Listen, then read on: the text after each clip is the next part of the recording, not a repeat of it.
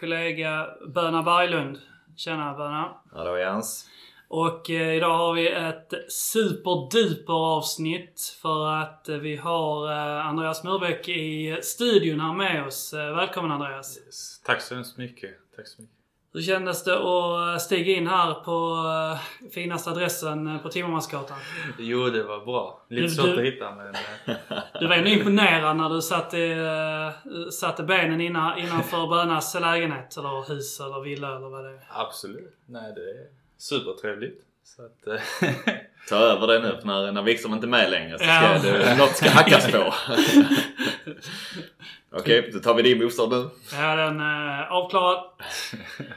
Så Andreas, vi, vi pratade lite, lite snabbt där nu innan vi satte på räck. Men eh, du spelade 90 minuter igår eh, i någon sorts U21-konstellation. Eh, hur, hur var matchen? Uh, nej, jag får ändå säga att det var en uh, helt okej match från vår sida. Alltså sett över 90 minuter. Tycker vi, alltså vi gör det bra över 90 minuter men uh, vi får kanske inte riktigt omsatt våra chanser till mål och då blev vi straffade till sist i 87 minuten. Så det var allt som allt var det en bra insats men eh, lite tråkigt att inte vinna och ta, vad ska man säga, tre poäng i inledande u matchen Låter ändå som ett, eh, ett återkommande ifrån de eh, lite grann av försäsongens mantra då. Att det ser helt okej ut men ni, ni blir straffade liksom. Ja, alltså det är ju... Det har väl varit lite så i defensiv och offensiv box att det har eh, smält väldigt eh, hårt när det har varit i vår box och vi kanske har varit lite oskarpa i motståndarens. Men det är också det är bättre att det kommer nu, att vi inser det. Att eh, vi måste vara skarpa i offensiv och defensiv för att kunna ta tre poäng. Oavsett hur bra vi spelar sett över 90 minuter, om vi inte omsätter våra chanser och vi inte får bort bollen så kommer vi inte vinna matcher. Mm. För det var, vad det, det var Mjällby ni hade igår också. Mjällby igår. Mjällby, ni har mött Mjällby en jävla massa gånger Ja, nu. tredje gången. Ja. Var det många med från som spelar A-laget som ni mötte? Ehm, det var väl inte, de hade ju en match eh, i helgen också mot Kalmar. Så att det var väl de som inte startade och spelade där tror jag, som spelade mot oss. Så det var väl lite samma. Okej. Så nej, men de mönstrade ett okej lag. Alltså det var, det var många unga spelare men eh, OK namn här och där. Och eh, innan dess så var ni eh, i Göteborg och eh, spelade också i, eh, i fredags va? Precis. Hur... Det är väl lite grann av vad de skrev på HD, Billys största förlust så. Det får väl vara vad det är men eh, hur, eh, hur upplevde du den matchen? Ehm, nej men lite, lite samma. Alltså, jag tyckte också att Göteborg var en, två, kanske tre nivåer över Östersund och Mjällby måste jag säga. Med de spelarna som de hade, speciellt deras innermittfält med eh, Yusuf och Tern och även Sana där. De var, de var, de var, de var bra liksom. Och- Tuffa spelare? Ja, tuffa spelare men också det var, det var lite samma. Vi, vi spelar bra perioder och, men de, de var hetare i straffområdena och kanske lite i närkamperna och allt det här. De har lite mer tyngd och lite mer eh, erfarenhet och rutiner Mm. att sätta emot.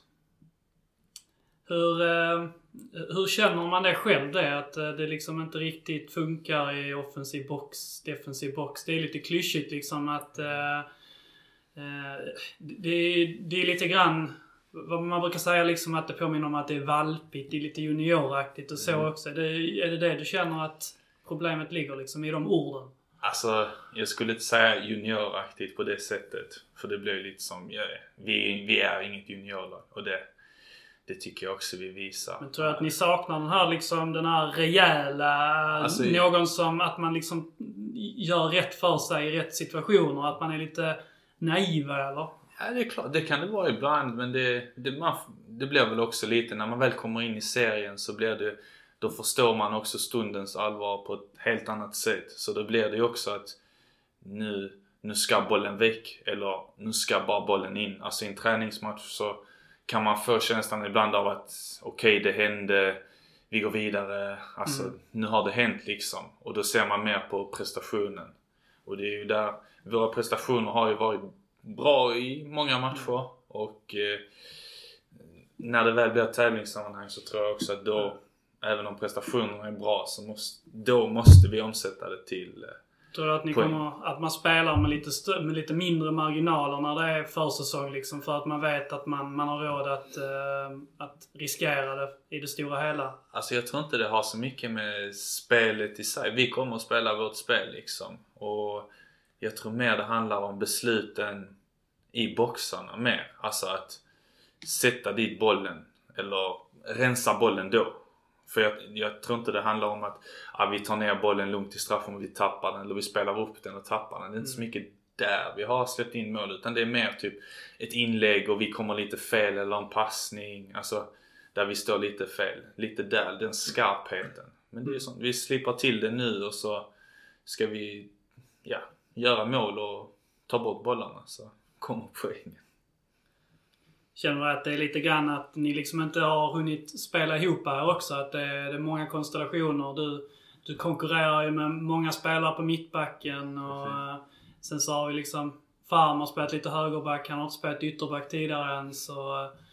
Eh, det, är liksom, det är nästan bara till catch som har varit eh, bunden där. Är det, känner du att ni är liksom lite, att ni inte riktigt har fått spela ihop er? Eh, att ni inte sitter ihop på samma sätt? Alltså jag skulle säga så alla, alla, alla vi som konkurrerar är, är bra fotbollsspelare och håller på denna nivån.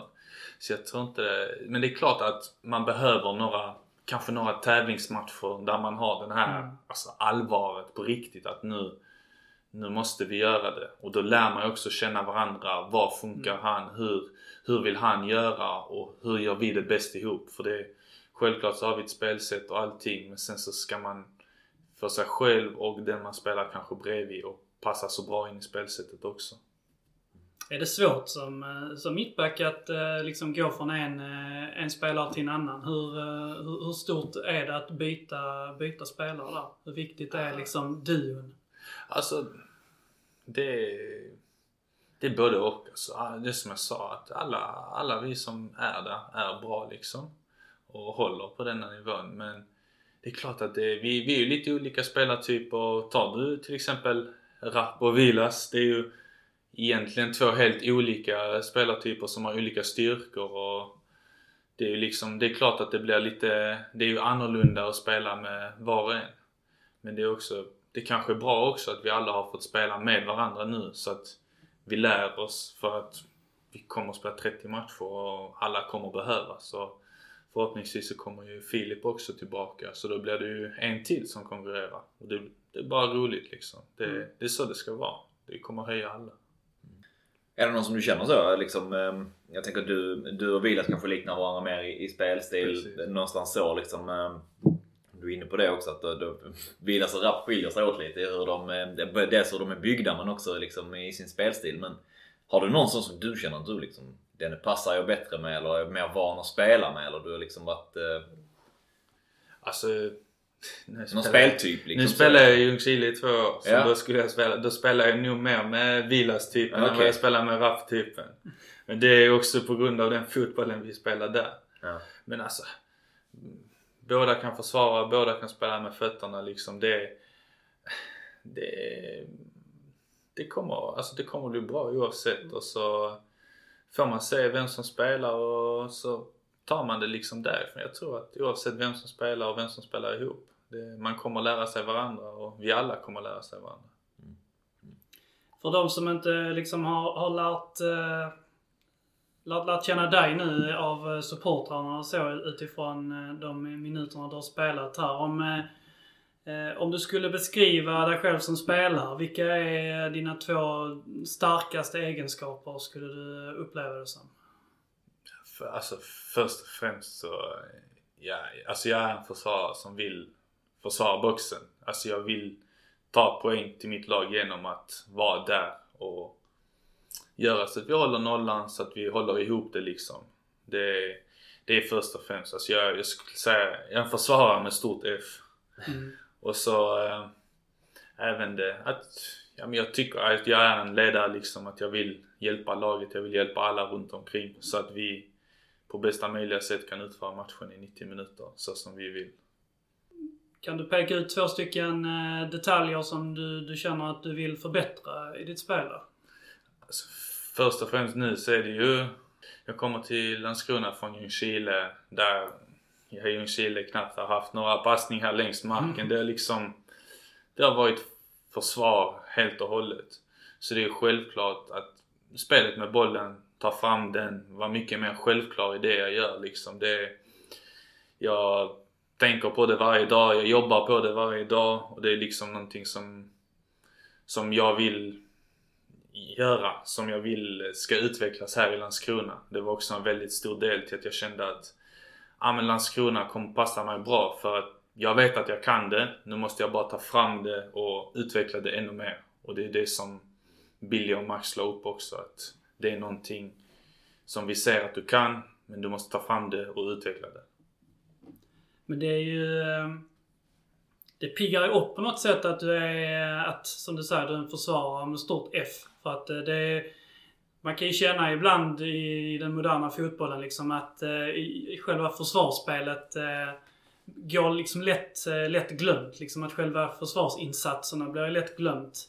Ehm, och jag kan tänka mig att om man liksom kollar på hur lag tränar och så vidare så du, du tränar ju hur många situationer som helst där du, hur du ska komma fram i ett uppspel och hur du ska hitta ett spelmönster. Det är, det är betydligt färre situationer förutom i själva spelmomenten där man till exempel tränar liksom försvarssituationer och så. För det mesta i alla fall. Ehm, och att det liksom är lite grann, det är inte så mycket fokus på det och likadant så blir det kanske inte så många spelare som har lika mycket fokus på just eh, försvarsspelet så. Men eh, har du alltid varit intresserad av eh, just själva försvarsbiten av, ehm, av fotbollsspelandet då? Hur, hur har du jobbat med det under din, din karriär? Um, alltså jag, blev, jag blev försvarare när jag var runt 10 år så började jag och, rensa? Ja, inte rensa men jag blev nedflyttad som back. Och så spelade där hela vägen liksom. Sen dess har jag spelat mittback, försvarare. Och det var väl speciellt i Danmark som det var väldigt mycket fokus på de små detaljerna. Vi hade torsdagsträningar där eh, det kunde vara, vi hade en, i princip nickträning och lite olika detaljer kring det. Var man ska knuffa, eh, så det inte syns kanske, när du ska knuffa. Um, vilken typ av mittback är du? Är du kanske en mindre som hoppar högt eller är du någon som ska in och brottas och knuffas mycket? Um, behöver man... Är du lite långsammare kanske? Behöver du falla tidigt, vara smartare? Eller har du snabbheten redan så du kan stå upp ännu högre? Vad, ska, ja, vad man ska tänka på. Så slipa på väldigt mycket findetaljer egentligen i, i försvarsspelet. Precis, precis. Um, Ehm, det är spännande egentligen med att det, att det kommer från tiden i Midtjylland. Man, man ser det som den här projektklubben liksom, där det är väldigt mycket fokus på det, på det offensiva spelet och man har väl stuckit ut med det också egentligen liksom, ehm, i Europa så också att man har varit ett, ett fint spelande lag på något sätt. Jo men precis, men jag hade turen att uh, tränas av Sven Grausson heter han, som är sportchef, uh, någon assisterande sportchef, jag vet inte helt. Men, och han, han var U17-tränare då när jag kom till eh, Midtjylland. Och han är den som har skolat till exempel Simon Kjær, Winston Reed, Joakim Andersson, Andersen och eh, många andra därefter. Och han, han var väldigt, väldigt bra på just den biten och slipa på de små detaljerna. Hur man ska stå, när du ska falla, när du ska pumpa. Eh, upp, ner, alltså allting liksom. Och det, det är någonting som jag tar med mig än idag. Försvarsspel eh, är ju en sorts eh, vetenskap eh, kan man ju säga liksom i hur man agerar i olika situationer. Och Att, kommer ihåg, jag hörde på en, en intervju med Gary Neville för några år sedan där han pratade om just det att liksom försvarsspelet håller på att dö ut. Att de små detaljerna som gör försvarsspel till försvarsspel, att de inte lärs ut på samma sätt längre i, eh, egentligen i, i hela världen. Liksom, utan att eh, man, eh, man fokuserar på andra saker nu. Att man liksom har gått ifrån det eh, och eh, fokuserar mycket mer på att man ska ha bollen. Vad gör man när man har bollen? Inte lika mycket vad, vad gör man när man inte har bollen? Och han tog då liksom exemplet att när han som 13-årig ytterback i Manchester United skulle liksom träna på hur man som ytterback positionerar sig för att täcka, täcka och blockera eh, inlägg till exempel. Och hur man liksom agerar vid olika positioner och i olika situationer.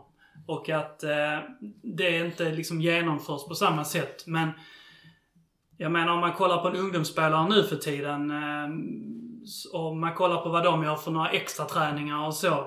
Så är det ju inte direkt ofta man ser någon som står och tränar glidtacklingar eller att eh, liksom falla i rätt tid. Utan det är ju liksom one touch, eh, gå förbi tre koner och sen så försöka bända upp den i bortre hörnet och så vidare. Om man kollar på alla de här liksom ungdomstalanger och så.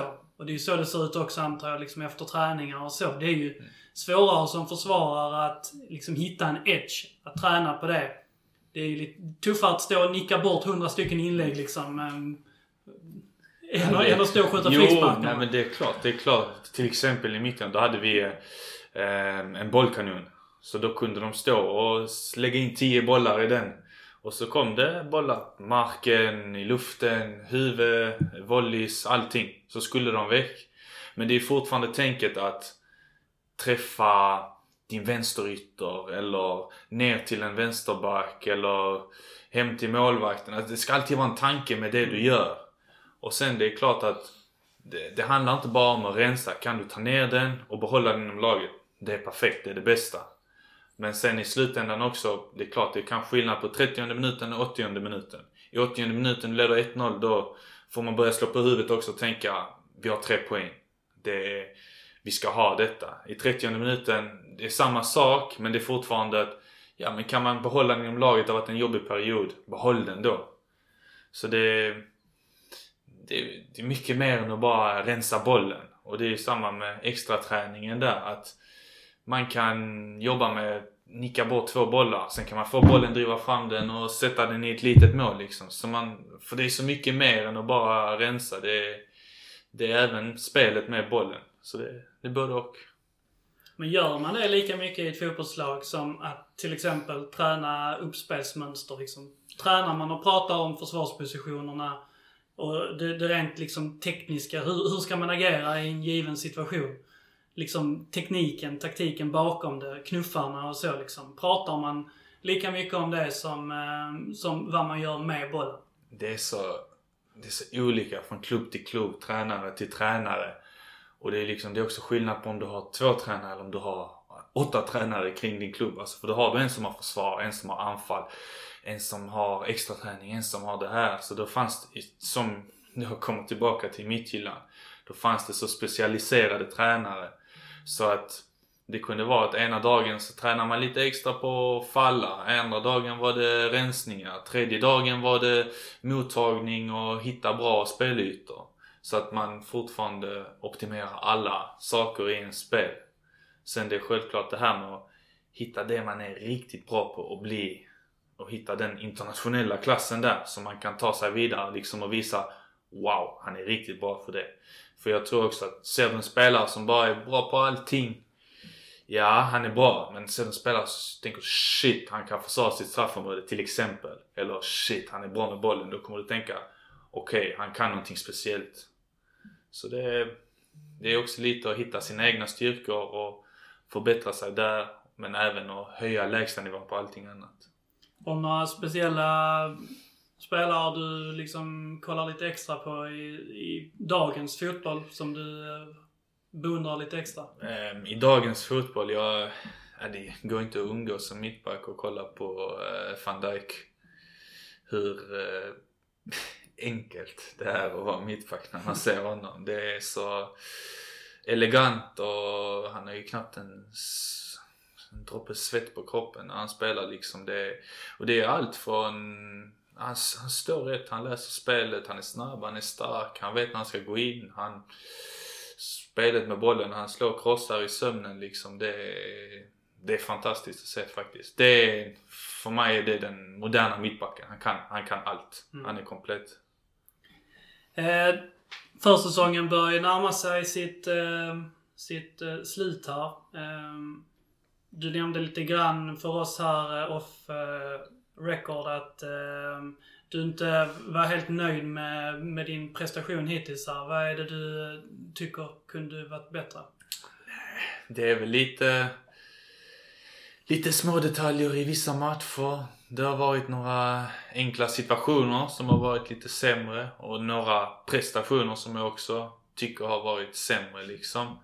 Och det, det är ingenting jag sticker under stolen med liksom. Att eh, jag har höga krav på mig själv och målet är att jag ska stå där varje match. Och jag har inte presterat som, som jag vill och det har också varit en liten process att komma in i det här eh, Landskrona, den spelstilen. Och speciellt efter två år i Ljungskile där man, ska man ta en jämförelse, gå från Mourinho-fotboll till Guardiola-fotboll till exempel. Det är ju en, det är en omställning. Och det är liksom från att veta att spela ingen felvänd spelare, alltså gör inte detta. Till att nu ska vi rulla bollen från målvakt till anfallare. Och det, det, behöver inte alltid vara att vi ska mål, rulla från målvakt till anfallare. För ibland så ska man ju sätta den djupt. Man ska göra det också, även i Landskrona. Men vi har en väldigt komplex spelstil som, som jag gillar väldigt mycket. Vad är det som är liksom den, den svåraste biten med att komma in i detta? Vad är den största omställningen? Liksom? Alltså, förutom att det är liksom mer en passningsorienterad fotboll och ett annat tänk. Liksom. Men vad, vad är det som är svårt att komma in i? Nej men det är väl lite för mig har det varit den här självklarheten med bollen. Ta fram den. Alltså våga utmana din ytterforward eller din anfallare och vänta på att de gör första draget och sen spela den. Ha den här lilla kylan. Och det är liksom där jag försöker lägga på varje dag. Tänka hur, eh, hur jag ska göra. Kolla på lite situationer där, där jag kanske gör det bra eller gör det sämre. Och liksom lära därifrån. Och då tyckte jag ändå att jag tog något litet steg igår mot Mjällby. Det var lite bättre. Så kollar man på det, men det fanns fortfarande väldigt mycket som jag önskar ska, ska bli bättre. Ställer de, eh, ställs det mycket krav på, eh, på mittbackarna i, i det här eh, spelsystemet tycker du? Um, ja, alltså det gör det ju. Det, det startar från mittbackarna. Men det är också normalt om man säger så. Det är, det är ju en modern fotboll. Och det ska spelas fotboll från marken. Och det är, för mig var det någonting som, det, det var väldigt avgörande för mig också att Landskrona ville spela så här. För jag känner att det är någonting som kommer hjälpa mig väldigt mycket i eh, längden, alltså i min karriär. Det kommer, det kommer bara, bara vara positivt att ha detta med mig. Så Ja, det ställs mycket krav. Men det är, det är berättigat också. Jag tänker man kan ju se det som, som, som mittback i ett sånt här eh. Tänker jag där man, där man har mycket boll och man spelar med eh, förhållandevis hög risk liksom så eftersom man fyller på med mycket folk och så också. Man kan, man, det kan ställas krav på en, en med bollen som mittback liksom. Att som du sa där med att komma in i att man ska driva upp och våga utmana sin gubbe. Men jag tänker det kan, det kan vara så också, det ställs ju krav på en som mittback att man kan bli ganska exponerad när man, om man blir av med boll också. Precis. Ja, men det är ju en av de stora riskerna av mittback. Alltså, du ska ju inte tappa bollen. Men man ska också... Det blir ju också att om du tar fram bollen så... Ja, man tappar den någon gång men det är ju sånt som händer i fotbollen också. Då är det bara att ställa om direkt och så är det ingenting mer med det liksom. Men det är klart att det är ju en, det är en risk. Man ska inte gå runt och se dum ut. Men ja, jag tror fortfarande att det, det, är bara, det är bara en bra grej liksom. Alltså, kan man, kan man det, kan man försvara. Det är lite som jag säger med van Dijk, han, han kan allting. Alltså, skulle jag säga. Och det, det är det som gör han så iögonfallande för så många människor. Du, eh, du, du var inne på det här innan också liksom. Du, eh, samband med frågan liksom, att du inte är helt nöjd med din, eh, med din försäsong. Och du, du kollade på mycket detaljer. Även om du tog steg nu mot Mjällby tyckte du så var det fortfarande detaljer som du liksom tänkt på och som du, som du fokuserar som du vill förbättra. Liksom. Du verkar vara en som, som har mycket öga för det och lägger mycket jag tänker dina beskrivningar från, från Midtjylland också i vad du gillar i träningen där. Med de här små detaljerna så verkar du vara en som, som, som tänker mycket på det. Ja, alltså jag kollar alltid igenom matcherna och jag har alla detaljer i huvudet också från matcherna. Så att det, det är sällan man går, eh, eller man går aldrig helt nöjd från en match. För det är alltid någonting som kan förbättras och som kanske inte var 100% under matcherna. Och det har ju varit väldigt mycket nytt och många nya intryck i mitt spel nu i Landskrona.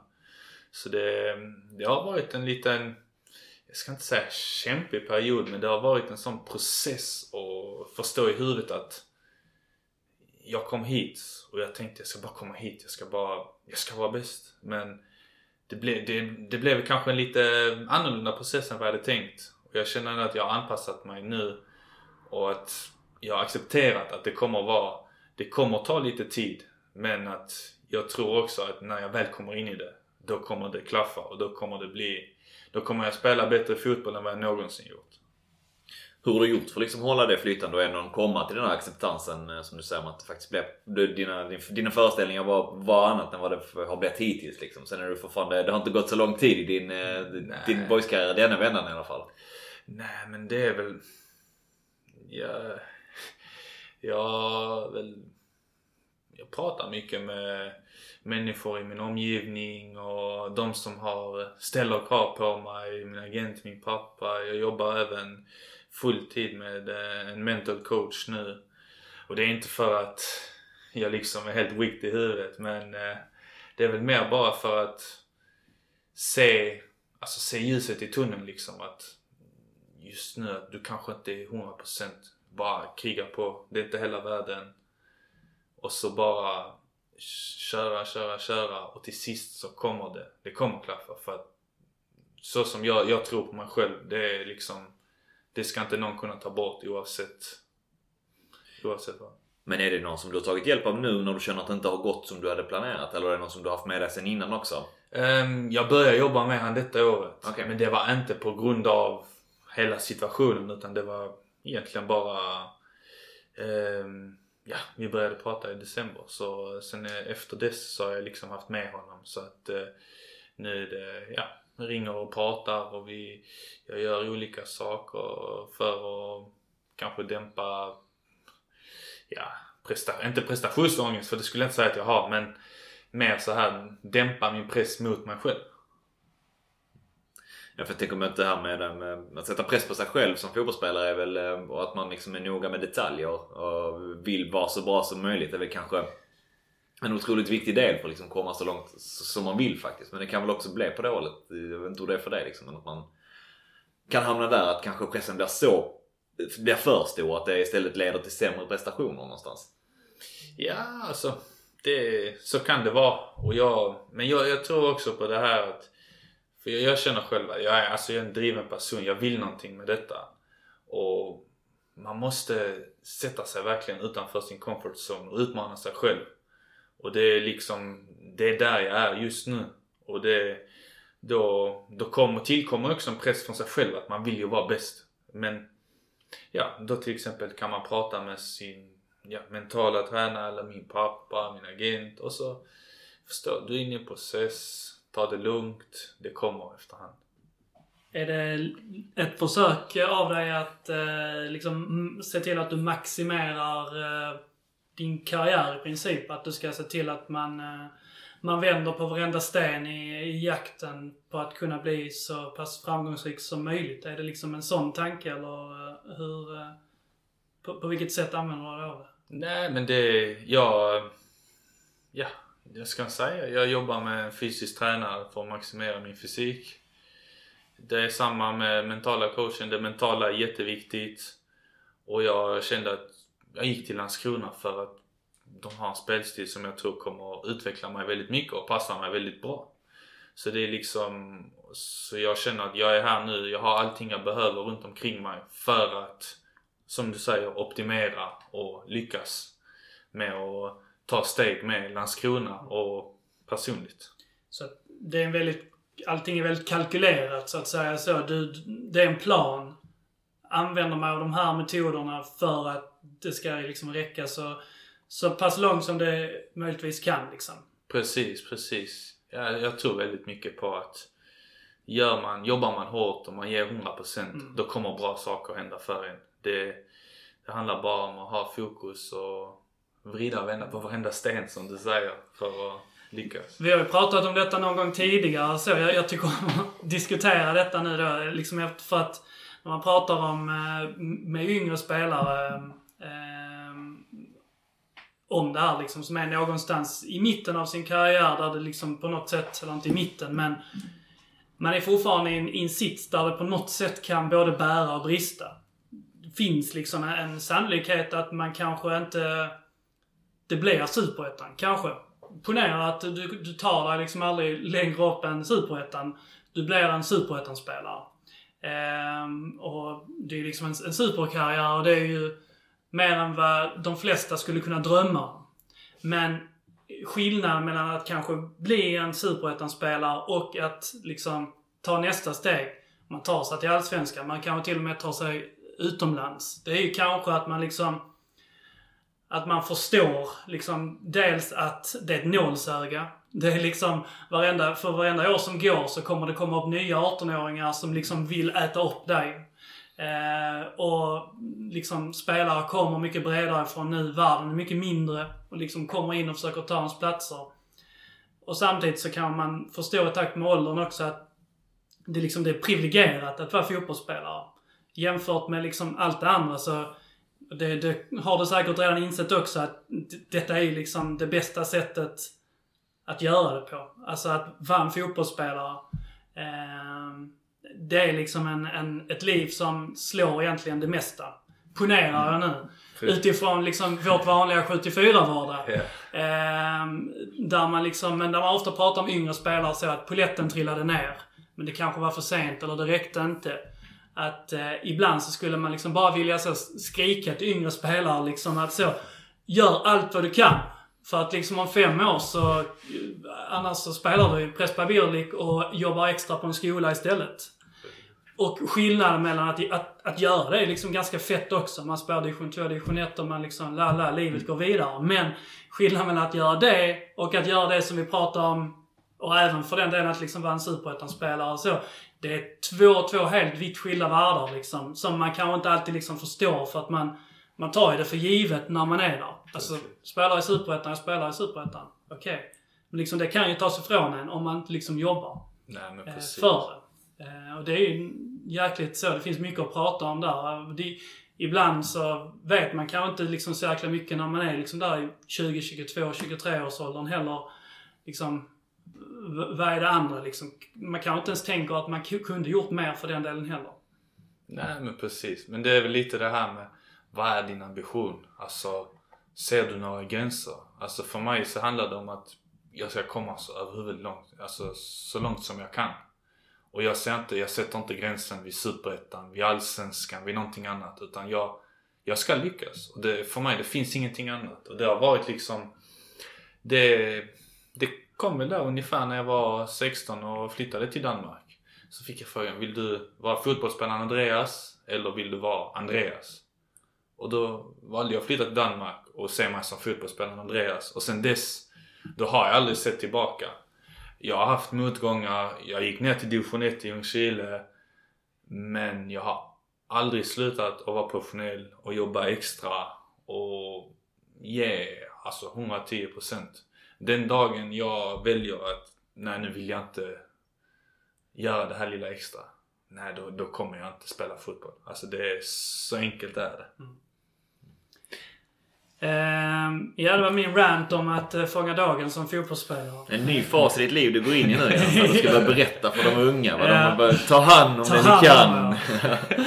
uh, vi har egentligen liksom såklart pratat om det där, men jag tänker, eh, och du har själv varit inne på eh, lite grann hur du själv tänkte då, men efter två år i Ljungskile nu då så blev det Landskrona till slut. Mm. Hur var vintern och eh, så här, tidiga våren för dig här nu då med, med klubbar och så? Hur, eh, ta, ta oss igenom Andreas eh, värld och liv de månaderna som gick efter att säsongen avslutades. Ja, nej vi... Vi hade sista matchen mot Degerfors och jag åkte hem. Och ja, det första jag gjorde var väl egentligen bara för att åka hem och träna. Började träna med fystränaren och tog det därifrån liksom. Och sen så var det överlät jag egentligen allting till agenten. Jag hade ingenting med det att göra. Jag bara tränade. Men du var säker? Hade du bestämt dig där att eh, det, du skulle lämna? Ja, Ljungskile var... Ja. Får jag bara... Om, när jag läste en uh, artikel på Ljungskile så förstod jag det som att du skrev på ett tvåårskontrakt uh, inför året i Superettan. Så att Precis. du borde haft ett år kvar där. Men det var... Alla spelare hade att om vi åker ner då. Alltså det, det Okej. fanns inte ekonomi till att ha kvar kontrakten som vi hade heller. Så att... eh, Det var liksom en klausul att om man Ja, åker ur så om är man åker fri. ur så är man fri eller Okej. det ska omförhandlas eller så det var ju... Det var bara en spelare som stannade kvar i Ljungskiles nuvarande trupp. Oj. Så Oj jäklar. det var Johan Svahn. Han blev ju assisterande, eh, spelande assisterande tränare. Och så Erik Lund som är huvudtränare nu. Ja. Så det, Fritt fall. ja, det får man Ja. säga då. Ja, det... Jag har bara gott att säga om Ljungskile. Det finns ingenting där. De står mig väldigt varmt om hjärtat. Så Okej. att... Eh, Så vad hände sen då? Så att du lämnar över det till agenten. Vad säger Ja. agenten till dig då? nej men det var... Det var lite klubbar här och där och... ehm, ja. Det, Ge, ge oss den uddaste klubben. Den uddaste. Nej men... Eh, det, ja, det var väl i så fall... Eh, som jag sa i HD, det fanns en klubb på Cypern. Det var väl egentligen, ja i så fall det. Det var, men ja, det är så. Jag vill inte prata så mycket om andra klubbar och så. Utan jag kan väl säga så att så var det väl runt januari där och min flickvän fyllde år i Ljungskile. så jag åkte ner till Ljungskile och var hos henne och hade tänkt stanna där och träna lite faktiskt. Ehm, ja, jag kunde ju sköta träningen både i Ljungskile och, eller Skåne. Men så eh, då ringer ju Billy och frågar om, ja, är du inte sugen på att i alla fall komma och hålla igång och träna lite och börja med oss? Och då tänkte jag att Jo men det, alltså det är ju bra. Liksom, eh, jag kan komma dit, jag kan träna, hålla igång, se Landskrona an och hur, eh, hur de har det där. Um, jag var väl inte så, så att jag bara oh shit Landskrona, nu, nu skriver jag på. Men eh, så kom jag ju till Landskrona och började träna där och då Nej, jag fick upp ögonen för det. Jag, ehm, Billy och Max eh, presenterade allting, sa hur de ville använda mig och Hade du någon tidigare relation med Billy eller Max Billy då? känner jag sen, eh, sen jag var i Landskrona sist. Då Mm. var han väl, jag vet inte vad man säger om... Det var väl egentligen eh, någon form av eh, Där på ungdoms... ungdomsansvarig Ja, nästan. exakt. Dåligt då. Precis. Han var sportchef på jag, Ja, precis. Ja, Mm. Så jag har känt, jag, har känt Billy sen dess. Och vi, jag har träffat honom på Landskrona-matcher när jag har varit och kollat och så. Mm. Så att eh, det var väl, alltså det var efter en, vad var det, två veckor och så hade vi ett sista snack, eh, jag och min agent Billy och Max och så um, sa min agent att ah, alltså detta är mycket bättre än vad jag trodde att det skulle vara. Liksom, det, det är faktiskt wow. Alltså, wow. Du kommer utvecklas här. Och det kommer göra dig så redo till att ta nästa steg. Och eh, förhoppningsvis är det med att vi, vi går upp till Allsvenskan och det är Landskrona. Men ehm, alltså det här kommer göra dig riktigt, riktigt bra. Och efter det så kändes det som att, ja, komma hem, få spela i Landskrona och Billy och Max och träningsmiljön och spelarna som överraskar mig jättemycket. En bredd i truppen som är fantastisk, som jag inte trodde fanns faktiskt. Ehm, så hela helheten blev eh, väldigt, väldigt bra. Jag är jättenöjd. Var det eh, liksom den här boys-bilden då som din agent kunde måla upp? Eh, förutom det här att de spelar en annan sorts fotboll. Var, vad sa din agent till dig? Vad var det han eh, tyckte passade in för dig här och nu med just eh, boys?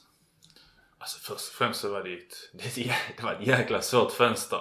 Eh, det här, speciellt nu efter det coronaåret. Så det var ju, och så visar ju Billy och Max ett väldigt stort intresse kring att de ville ha hit mig. Och då kände vi ju att ja, men vi är där nu där du, du måste spela. Du, och hela miljön och allting det var... Jag, jag tyckte bara det, det, det klickade liksom. Och då, då kände vi att då kör vi på det liksom. Och så eh, är det helt upp till mig. Vill jag explodera, då exploderar jag. Då, då finns det inga, inga gränser liksom. Och det kände vi att om jag gör det bara i Landskrona då, då finns det inga gränser. Um, nu var det ju i Ljungskile då. Och jag tänker att eh, den säsongen ni hade med Ljungskile, då eh, vann ni ju ganska överlägset eh, division 1 året innan. Ja. Och eh, Sen så blev det ju uppenbarligen att eh, steget blev för långt från ettan till, till superettan där. Eh, varför blev det så? Finns det någonting du tar med dig här nu? För att nu ska Boys göra samma typ av grej där. Finns det några likheter eller olikheter där som du, eh, när du tänker på eh, de två lagen? Alltså, först och främst är det väl lite det här med, med att vi i Landskrona nu har ett, vi har ett eget spel att stå på. Och det är det jag kände att vi hade inte det förra året. Vi kunde inte riktigt vila med bollen och få de här lugna sekunderna i matchen. Även om vi nu åkte ut ganska klart så ser man sett till till exempel den här expected points så, så ligger vi någonstans i mitten i Superettan. Så det var inte rent statistiskt så var det inte en skitsäsong. Men jag tror bara att det blev för mycket med att man, man fick aldrig ha bollen i laget och vila med den och vi släppte in så oerhört många sena mål i eh, slutminuterna. Tappade ju runt 15-20 poäng de sista 10 minuterna i hur många matcher som helst. Så det är liksom, jag tror att i Landskrona, vi i Landskrona detta året har något helt annat att stå på.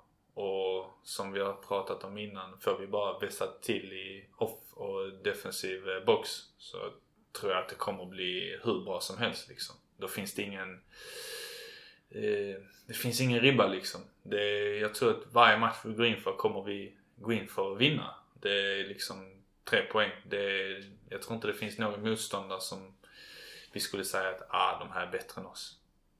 Vad är de stora vad är egentligen liksom skillnaden när man tar steget upp från ettan till, eh, till superettan då? Mer än att det uppenbarligen är, är högre tempo så. Varför är det så svårt?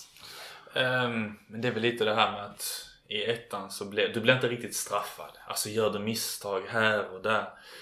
Ah, de, de straffar inte dig helt. Men i superettan, tappar du bollen, ah, då är det målchans eller mål. Slutar du typ koncentrera dig lite, ja då, då släpper du in ett mål. Gör du inte mål när du får målchans, ja till sist då kommer du få det emot dig. Det är väl lite de här, det, det är de här små, små detaljerna som skiljer som skiljer division 1 mot superettan. Sen rent Alltså, ja det är högre kvalitet i superettan men det är inte så att det är några världsstjärnor i superettan direkt. På så sätt tänker jag det här med att det är liksom den, den ehm, man blir straffad på detta sätt. Till viss del kan man ju tänka då nästan att Ljungskiles spel hade varit mer lämpat för att komma upp till Superettan än vad, än vad, vad Boise, man har ju ett eget spel och klart man vinner mycket på det också men just den detaljen tänker jag med att man ehm, blir straffad om man tappar boll eller så liksom på ett annat sätt. Så det spelet du beskriver från Ljungskile borde egentligen vara mer lämpat för att spela Superettan. Men vad, hade ni också svårare att komma till målchanser liksom? Var det den biten som också skiljer alltså, sig? Alltså vi hade ju, vad ska man säga? Ja, det blev ju väldigt mycket stå tio man bakom bollen och jaga boll. Och då blir man trött och så då till sist så kommer också den här lilla okoncentrationen. Man blir frustrerad och så ja, står 0-0 efter 80 minuter eller vi leder 1-0. När det har gått 90 minuter så har vi antingen ja, då har vi förlorat 1-0 eller tappat en 1-0 ledning. Liksom det, det kändes som att vi aldrig fick vila. Vi fick aldrig hota. Vi fick aldrig det momentumet. Och i, mm, i och med i Landskrona nu så tror jag att vi kommer ha vi kommer äga boll varje match. Vi kommer ha mer boll än motståndarna i princip varje match. Och jag tror också att vi kommer Alltså, tappar du boll, det är inte så att tappar du boll på mittplan, då har du nog 5-6 situationer att reparera. Så vi ska bara vara jäkligt bra på att återerövra, komma rätt och samla oss. Så det är inte så att bara tappar du boll så är det mål. Men det är lite de här små, små, små detaljerna. Hur skilde sig till exempel era matchbilder då från året i eh, division 1 med eh, Ljungskile och sen när det gick upp i, i Superettan där? Hur... eh, Alltså egentligen, i division 1 det var lite, eh, inte, inte samma. För vi hade så fruktansvärt bra spelare för att vara division 1 så att det, var, det gick inte att inte vinna den serien kändes det som. Men vi hade fortfarande inget eget grundspel. Alltså det var inte så att vi spelade nerifrån och upp och gjorde alltså, mål hit och dit. Utan det var väldigt mycket rakt, dueller, mycket inlägg.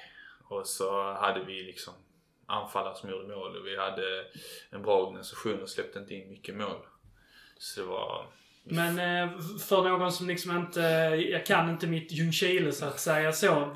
Förändrades det någonting till exempel till Superettan året så? Eller varför funkar inte det spelet sen då i, eh, i Superettan? Vi gick ju från att spela 4-3-3 till att spela 5-3-2.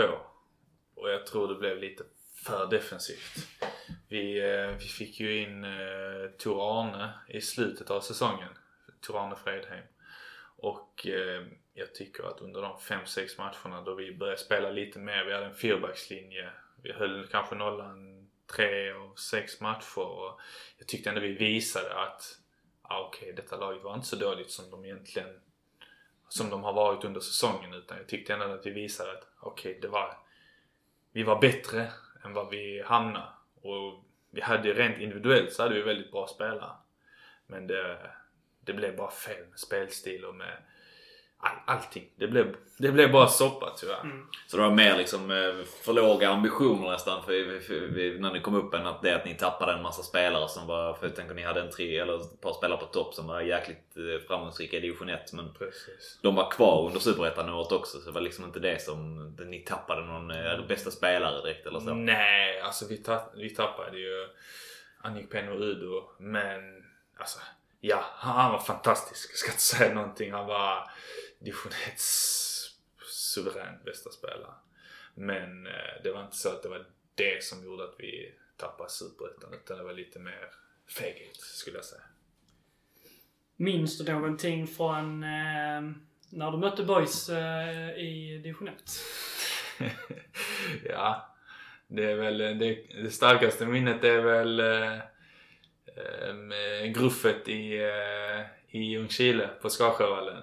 När eh, jag försökte peta bollen från Kaddo och eh, blev eh, överfallen av eh, Wilstrand och även Måns. när, när, vi, när Vilas fick eh, rött kort. Just det. Det var Ja. både han och Kaddo för rött kort i den matchen va? Exakt. Kaddo för hans i andra halvlek Just utanför. Just det. Nej, det var, det var lite roligt faktiskt. Det får man... vi skojade om det första dagen när jag var där. Så eh, när vi alla var samlade i loungen så sa de att ja, jag skulle träna med dem och ja, Vilas och Nurbeck kanske har lite att prata ut om men... eh, Har ni gjort upp om det du och ja, vi har gjort det? upp om det. Armbrytning. Armbrytning ja. Ja men precis. Nej, han, tycker jag, han tyckte jag föll lite enkelt. Kanske jag gjorde också. Han fick väl tre matcher före eller vad det var. Upp, uppförsbacke då redan från början när du kom, kom tillbaka. Precis. Det kan vara därför du liksom har så fått jobba med den mentala coachen här nu för att du är rädd att bli överfallen av eh, 120 kilo advokat Ja, i jag sitter ju bredvid honom varannan vecka så... Vaknar svettig i sängen och så nätterna. Tror att Vila står över honom. Ser hans blonda nylle så. Vakna! Vilas har tagit med sig farsan och sparkar upp dörren här hemma. Precis. Eh, vad minns du liksom eh, av, av själva liksom spelet och boys och så? Är det någon spelare du minns ifrån de, eh, de matcherna där, där du hade några tankar i, i ditt egna huvud? Minns du om det var någon som eh, du kände att detta plockar jag bort lätt eller han där var klurig eller eh, så? Oj. Jag mötte dem bara en gång. Jag var Mm. inte med på IP. Men usch, det var också en speciell match vi spelade. Vi, de fick rött kort efter 15 minuter så det, um, Nej, jag minns inte. Jag kollar ju på dem mycket under säsongen liksom. Och, jag, och nu såg jag mycket förra, jag såg en del förra säsongen också. Och jag som eh, kanske någon vet, jag känner ju Filip lite sen innan Olsson.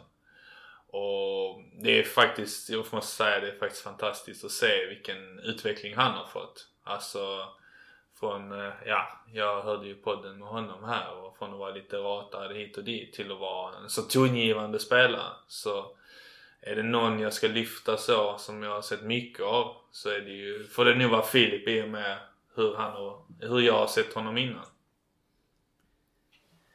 Ljungskile, hur gammal var du när du flyttade dit då?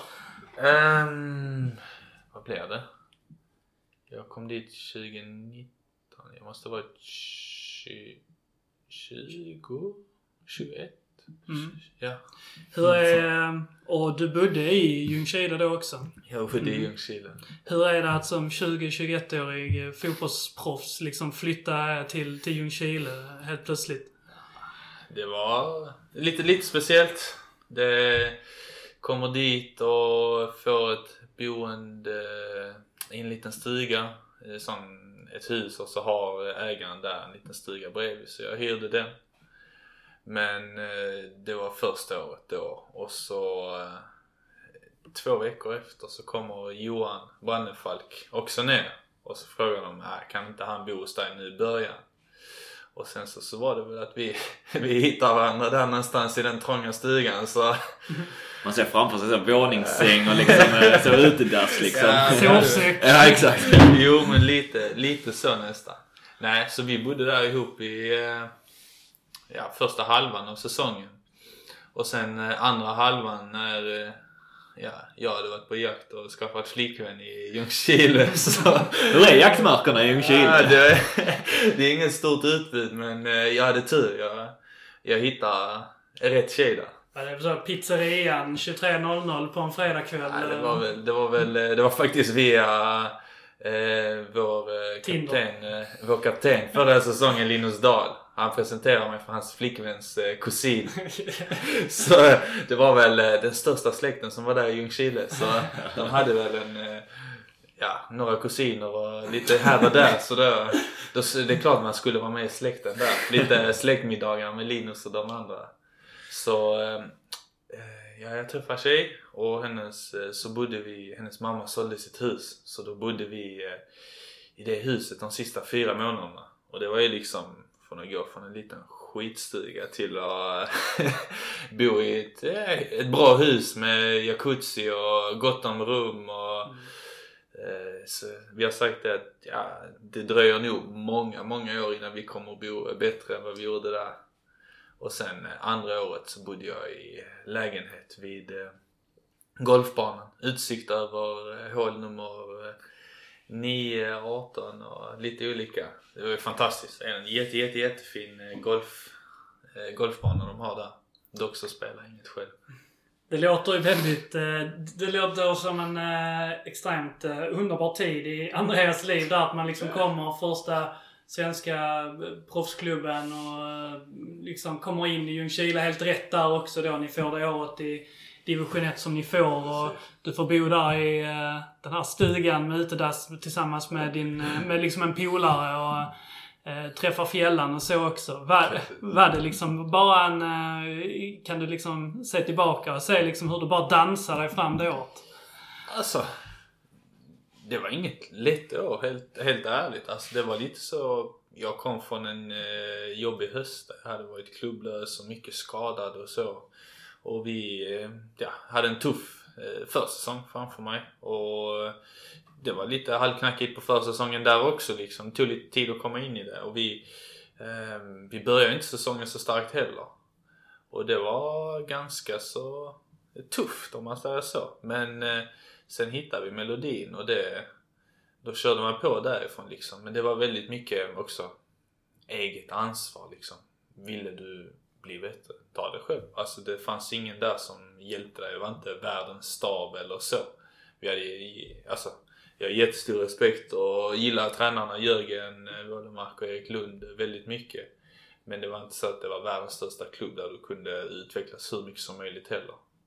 Det känns inte som att det är ehm, Midtjylland med torsdagsträningar på morgonen, nöta försvarsspel liksom, eh, eller nöta försvarsspel gjorde man kanske med på lite annat sätt. Liksom. Det känns inte som att det, du nämner det egentligen själv, det är inte samma, inte samma organisation med de möjligheterna. Nej, nej, nej. Absolut inte. Sen ska man inte ta ifrån, alltså Ljungskile är en, en väldigt stor klubb i ett så litet samhälle. Alltså det är en jättefin arena och andra året tränade vi på morgonen och var heltidsproffs liksom. Så det var inte så att det var, det är någon liten skitklubb som inte har någonting. Alltså men mm. det är klart att eh, bo där och eh, ja, bara och, eh, alltså leva på fotbollen och det, på något sätt så var det också skönt. Alltså bara, ja, jag är här, spelar fotboll, blir bättre, göra mina matcher, utvecklas och ta steg och gå vidare. Så det fanns bra och dåliga saker om man säger så. Man brukar ju säga att det liksom är en ganska så speciell eh, klubb här. De har ju liksom, som du då nämnde, Vålemarks släktet och varit uppe i Allsvenskan då, trots att det är en extremt liten eh, eh ort. Hur, eh, hur liksom upplevde du klubben eh, och ehm, samhället så? Hur, hur, hur var det egentligen? Jämfört med till exempel vad du har för andra upplevelser? Alltså jag tyckte det var fantastiskt på sitt sätt. Det är en sån ideell klubb, alla hjälper till. Eh, supportrarna där, alltså fantastiska liksom. Det, det var inte någon man kunde gå förbi runt om i Ljungskile utan man hälsade och stanna och prata och det var så familjärt. Och, och så kom jag in i den släkten där liksom. Det blev hela hela Ljung, alltså Ljungskile står mig faktiskt väldigt, väldigt nära. Alltså än idag. Och det är liksom när jag åker och hälsar på tjejen, hon bor i Göteborg nu, Mölndal. Men ibland ser vi Ljungskile också. Det är liksom, kommer man in där, det, på något sätt så känns det som hemma efter, efter bara två år. Så det är ju, nej det är faktiskt väldigt, väldigt kul. Det är bra samhälle och bra klubb. Vad, du var inne på det innan också där, men äh, vi ska inte fastna i Ljungskile. Men vad, vad händer med Ljungskile nu då? Du sa att um, det var alla utom en hade lämnat och han hade blivit tränare. Vad, ja. vad händer med klubben? Nej men de har, eh, alla, alla lämnar i princip. Det var, det var så det blev. Tyvärr. Det var synd men eh, så som jag har följt det nu så har ju Erik Lund fått ihop en, fått ihop en trupp. De har, nej men de har lag nu i alla fall, en 15-16 spelare tror jag. Och det, ser, det verkar vara helt okej. Okay. De har spelat några träningsmatcher och det, jag kollade en halvlek faktiskt när de mötte Karlstad så det ser ändå okej okay ut. Jag hoppas att de ja, antingen spelar med i toppen eller etablerar sig i division 1. Behöver de inte göra något fall nu. Ja. Hoppas det bästa. För. Finns det liksom någon, någon ungdomsorganisation att falla tillbaka på liksom, och hämta spelare ifrån? Eller det? Um, de hade U19 och sånt innan jag kom men de hade inte det. Förra året så var det bara, de hade ett U17 tror jag. Inte så mycket mer. Okay. Lite under där kanske. Så inget att falla tillbaka på. Men är det liksom en klubb som lite grann dammsuger på talanger och folk som är i din eh, din sits där man lite grann får ta det år för år då. För jag menar det är rätt mycket att alla stickor. Finns det liksom ingen så att säga ren Ljungskile-grund kvar med, med spelare som bara liksom eh, är Ljungskile liksom? Nej, det tror jag inte det finns. Men de, alltså det ligger ju väldigt bra. Det ligger ju vid Göteborg och du har hela Bohuslän där. Så att det finns ju, finns ju spelare att välja på. Det är ju väldigt många som vill spela division 1 liksom och ta chansen. Så att spelare kommer det alltid finnas. Mm. Eh, om vi hoppar neråt lite grann då, så då har du varit i Ljungskile då och eh, resan som tog dig till Ljungskile var ju via Danmark som vi liksom har tassat runt lite grann. Eh, där finns ju mycket såklart att prata om där men eh, liksom utan att gå för djupt på det så eh, du blir petad av MFF eh, när du är 15? Um ehm, Ja, 15. Och går till, till Boys och hinner göra en, två år där och sen så blir du varvad i princip då av Midtjylland eh, eh, och eh, sugs upp av dem. Men jag tyckte även att jag, jag läste att du, du provspelade med 1860 München i samma veva också. Så. Mm, det, det var, jag var, när jag var 15, gick till Landskrona. Och li, lite kort därefter så var jag en vända i Tyskland och tränade där. Men det var egentligen inte så mycket mer. Alltså det var ett provspel liksom och Mm, Ja, jag minns, jag minns det knappt om jag ska vara helt ärlig. Det var, de var nöjda men det blev inget mer med det. Jag har precis kommit till Landskrona då. Men hur, eh, för att det blir liksom lite paradox där. MFF tycker att du inte liksom, trots allt inte duger och så. Men hur hamnar man då sen liksom att man eh, är i Tyskland och provspelar och sen så dessutom så hamnar man då i den här uppburna akademin i, i Midtjylland så. Hur, eh, hur jobbade du där? Vad, vad hände liksom? Ehm, nej men det var väl inför U17 där när vi skulle fylla det året vi, jag fyllde 16. Och de, de sa bara att nej, vi vill inte ha kvar dig. Så det, ja, det var en liten omställning men så kollade vi lite och ja, Landskrona och så var det det 97-gänget där med eh, Thomas Gustafsson som eh, har jobbat i Landskrona nu också på det sista som var tränare. Och jag åkte dit och provspelade. Um, supergäng liksom. Och nej men det klickade. Och jag gick dit. Och vi, jag minns ju, vi har spelat många matcher mot just Landskrona Boys 97 där.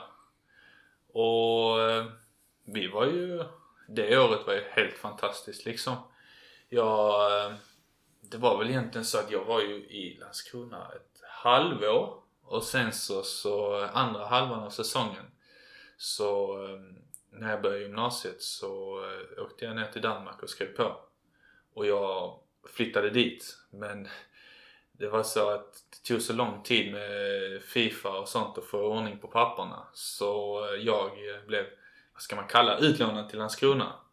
Så jag flög hem på helgerna och spelade match under hösten. För jag ville så gärna, för vi hade någonting riktigt, riktigt bra på gång. Vi blev, tror jag blev tvåa i vår sån U17 allsvenskan och gick till slutspel. Så jag var med hela där och vi slog ut Göteborg, slog ut AIK, var i semifinal mot BP och förlorade där med 1-2, 1-0, jag minns inte helt. Så det var ju liksom ett helt, helt fantastiskt år jag hade där i Landskrona. Och det blev lite av en comeback också mot Malmö då som jag minns inte ens om de gick till slutspel liksom. Mm. Så det, nej, och det var ju lite där jag, ska man säga, Vem förälskade. spelade du med i det 97-gänget? Var det någon som tog klivet Det, upp? det är ingen som tog klivet upp. Det var ju, ja, det är ingen som tog klivet upp så. Det var väl, jag minns att eh, Abdo var en liten sväng och tränare av A-laget. Viktor Eh, Gustafsson. Viktor Gustafsson, precis. Ehm, För det, om, eh, om jag minns rätt om den liksom kullen där Ja. så var ju liksom kritiken mot den var att, eh, att liksom hela laget var väldigt... Det var liksom ingen modernt ungdomslag så, utan det var en ganska enkel fotboll, lite längre bollar, ganska fysiskt lag. Ehm, och att det var liksom en in, intern kommunikation i klubben att man inte liksom tyckte att det var den vägen ungdomarna skulle gå. Samtidigt som det då var extremt framgångsrikt men att man liksom Tanken, man, man såg det som att eh, man la det på en grund som var fysisk snarare än teknisk. Och det är Ja. lite grann om man kollar på vilka spelare som har klarat sig så precis. kanske de var någonting där. Men jag kommer Det- ihåg att det var en diskussion liksom kring Ja. det. Att det var många liksom... Ja men Viktor Gustafsson var väl liksom en extremt Precis. löpstark och stark liksom forward. och Exakt, det är yttermittfältare tror jag. Ja. Ja, nej men precis. Jag minns vi hade Jesper Sjöland och Alexander Hylander där framme som Mm. gjorde, ja, gjorde väl 20 plus mål var varje säsong liksom vad jag förstod det. Så nej, jag, alltså ska jag vara helt ärlig, jag minns knappt hur, hur vi spelade. Jag minns bara att det gick väldigt, väldigt bra. Så eh, och du blev, du blev liksom upptäckt av Midtjylland på någon form av eh, turnering i Danmark. Stämmer det? Exakt, vi spelade... Jag blev uppkallad där. Spelade Lyngby Cup med, mm, kan det varit 95-96. Och där spelade vi någon match om det mot, ja det kan ha varit mot Århus eller någonting. Och eh, därefter så hade jag en eh, rådgivare som sa att ja, Midtjylland är intresserad och vill ha, vill ha över dig liksom. Tänkte jag, ja, det var konstigt liksom. Vad är, vad är Midtjylland? Vad är det för lag liksom? Det, jag hade varit i Tyskland, man kanske tänkte ja, jag har det jättebra i Landskrona också. Bara Midtjylland, Midtjylland, nej. Men sen, jo du måste åka. Så jag åkte ner dit, var där två dagar och tränade och sen så var det ingen tvekan. Mm. Men var det så då, eh, Du hade, du sa liksom att du, du pratade med din rådgivare. Eh, är det så att när du är 15 och får liksom, eh, eh, blir eh, petad ur MFF, är det liksom ändå så att du har en, en klar bild av att eh, du, du ska fortsätta med detta? Det är liksom inte bara så, ta första bästa klubb och sen så tränar jag fotboll, utan har du liksom en, en plan och en tanke där, trots att du är 15-16, att eh, jag ska liksom klara detta till varje pris. Jag ska liksom ta... Är det så? För jag tänker en, en 16-åring som har en rådgivare fast att man har liksom blivit petad ur en klubb liksom så. Det, det ger ju den bilden. Men, och det var så eller? Ja, nej det var inget, alltså redan då jobbade jag med en fystränare till exempel och det var inget alltså. Det var, jag gick till Landskrona det var vi var lika bra som Malmö så det var inget steg neråt på det sättet. Det är klart att det är en nedgång att bli petad men vad jag minns så var det inte, nej det var inget snack om saken liksom. Det har alltid funnits ett driv. Mm. Men eh, sen kommer du in på det här med att du är, eh, du är två dagar Midtjylland. När det väl när vi kommit fram till sommaren där. Och känner, känner direkt liksom att detta, det finns ingenting att backa på. Du kände inte till klubben direkt innan men när du, när du var på plats var det den här liksom organisationen och liksom helheten som fanns där som, som gjorde att du föll för det eller? Ja, alltså herregud. Det, det var en liten stad, Ikast, som de hade träningsanläggningen. Och vi, jag skulle börja med, så, börja med att bo på själva anläggningen där de har handboll och det är mat och det är allting och det, det var, ja, det var bara det är proffsigt, alltså proffsigt rakt igenom liksom. Det är röd tråd och jag visste att vill jag bli så bra fotbollsspelare som möjligt så är det här rätt steg. På vilket sätt, eh, på vilket sätt är Midtjylland eh, liksom speciellt och unikt? Um, ja, men de investerar ju väldigt mycket i sin akademi. Och det är, det är allt från att... De, Är inte där något samarbete med afrikansk eh, också? Jo, um, sen eh, EBDFC eller vad de heter, något sånt. Ett eh, ni, nigeriansk akademi har de. Så det kommer ju en tre, fyra, fem eh, nya nigerianer varje år som börjar träna och sen så, så sållar de kanske och så är det en, två som får stanna och får kontrakt. Och det har ju varit väldigt framgångsrikt så att Jo, nej men det är alltså det är en fantastisk klubb liksom och det är bara gott att säga. Fanns det någonting jag tänker ehm, du åker dit och, och testar och känner liksom direkt att eh, det, det, det klickar liksom och dit vill du för att bli, maximera redan då din, din eh, bli så bra fotbollsspelare som möjligt. Men jag tänker vi hade, när vi hade Erik Persson och snackade med honom. Han var också, det var inte Midtjylland men det var, han var över Leicester och fick liksom eh, erbjudanden därifrån. Och han var ja, men i en liknande ålder som, som dig egentligen. Men kände själv att han kanske inte var redo för det steget där och då. Liksom. Att det var bättre att tugga på liksom, på hemmaplan med, med trygghet och så. Fanns det någon tvekan hos dig liksom, utifrån det? Men det är ändå så du flyger hem. Det är inte, det är inte Köpenhamn du flyttar till utan det är en bit bort ändå liksom, i Danmark också. Ehm, det var väl, jag hade precis börjat gymnasiet så det var ju, jag, hann, jag tror jag hann gå tre, fyra veckor i gymnasiet på Polhemskolan innan jag flyttade. Och det var väl där i början så var det väl en gång i veckan så åkte jag ner och eh, vi pratade först och sen så, så kolla, prata och sen skriva på. Och det var väl där när de sa nu får du bestämma dig. Vill du det eller vill du det inte? Och då var jag, minns jag, jag minns det så väl att jag var på Ljungvalla IP och träffade min rådgivare Ljungvalla i Furulund där jag kommer ifrån. Klassisk mark. Exakt.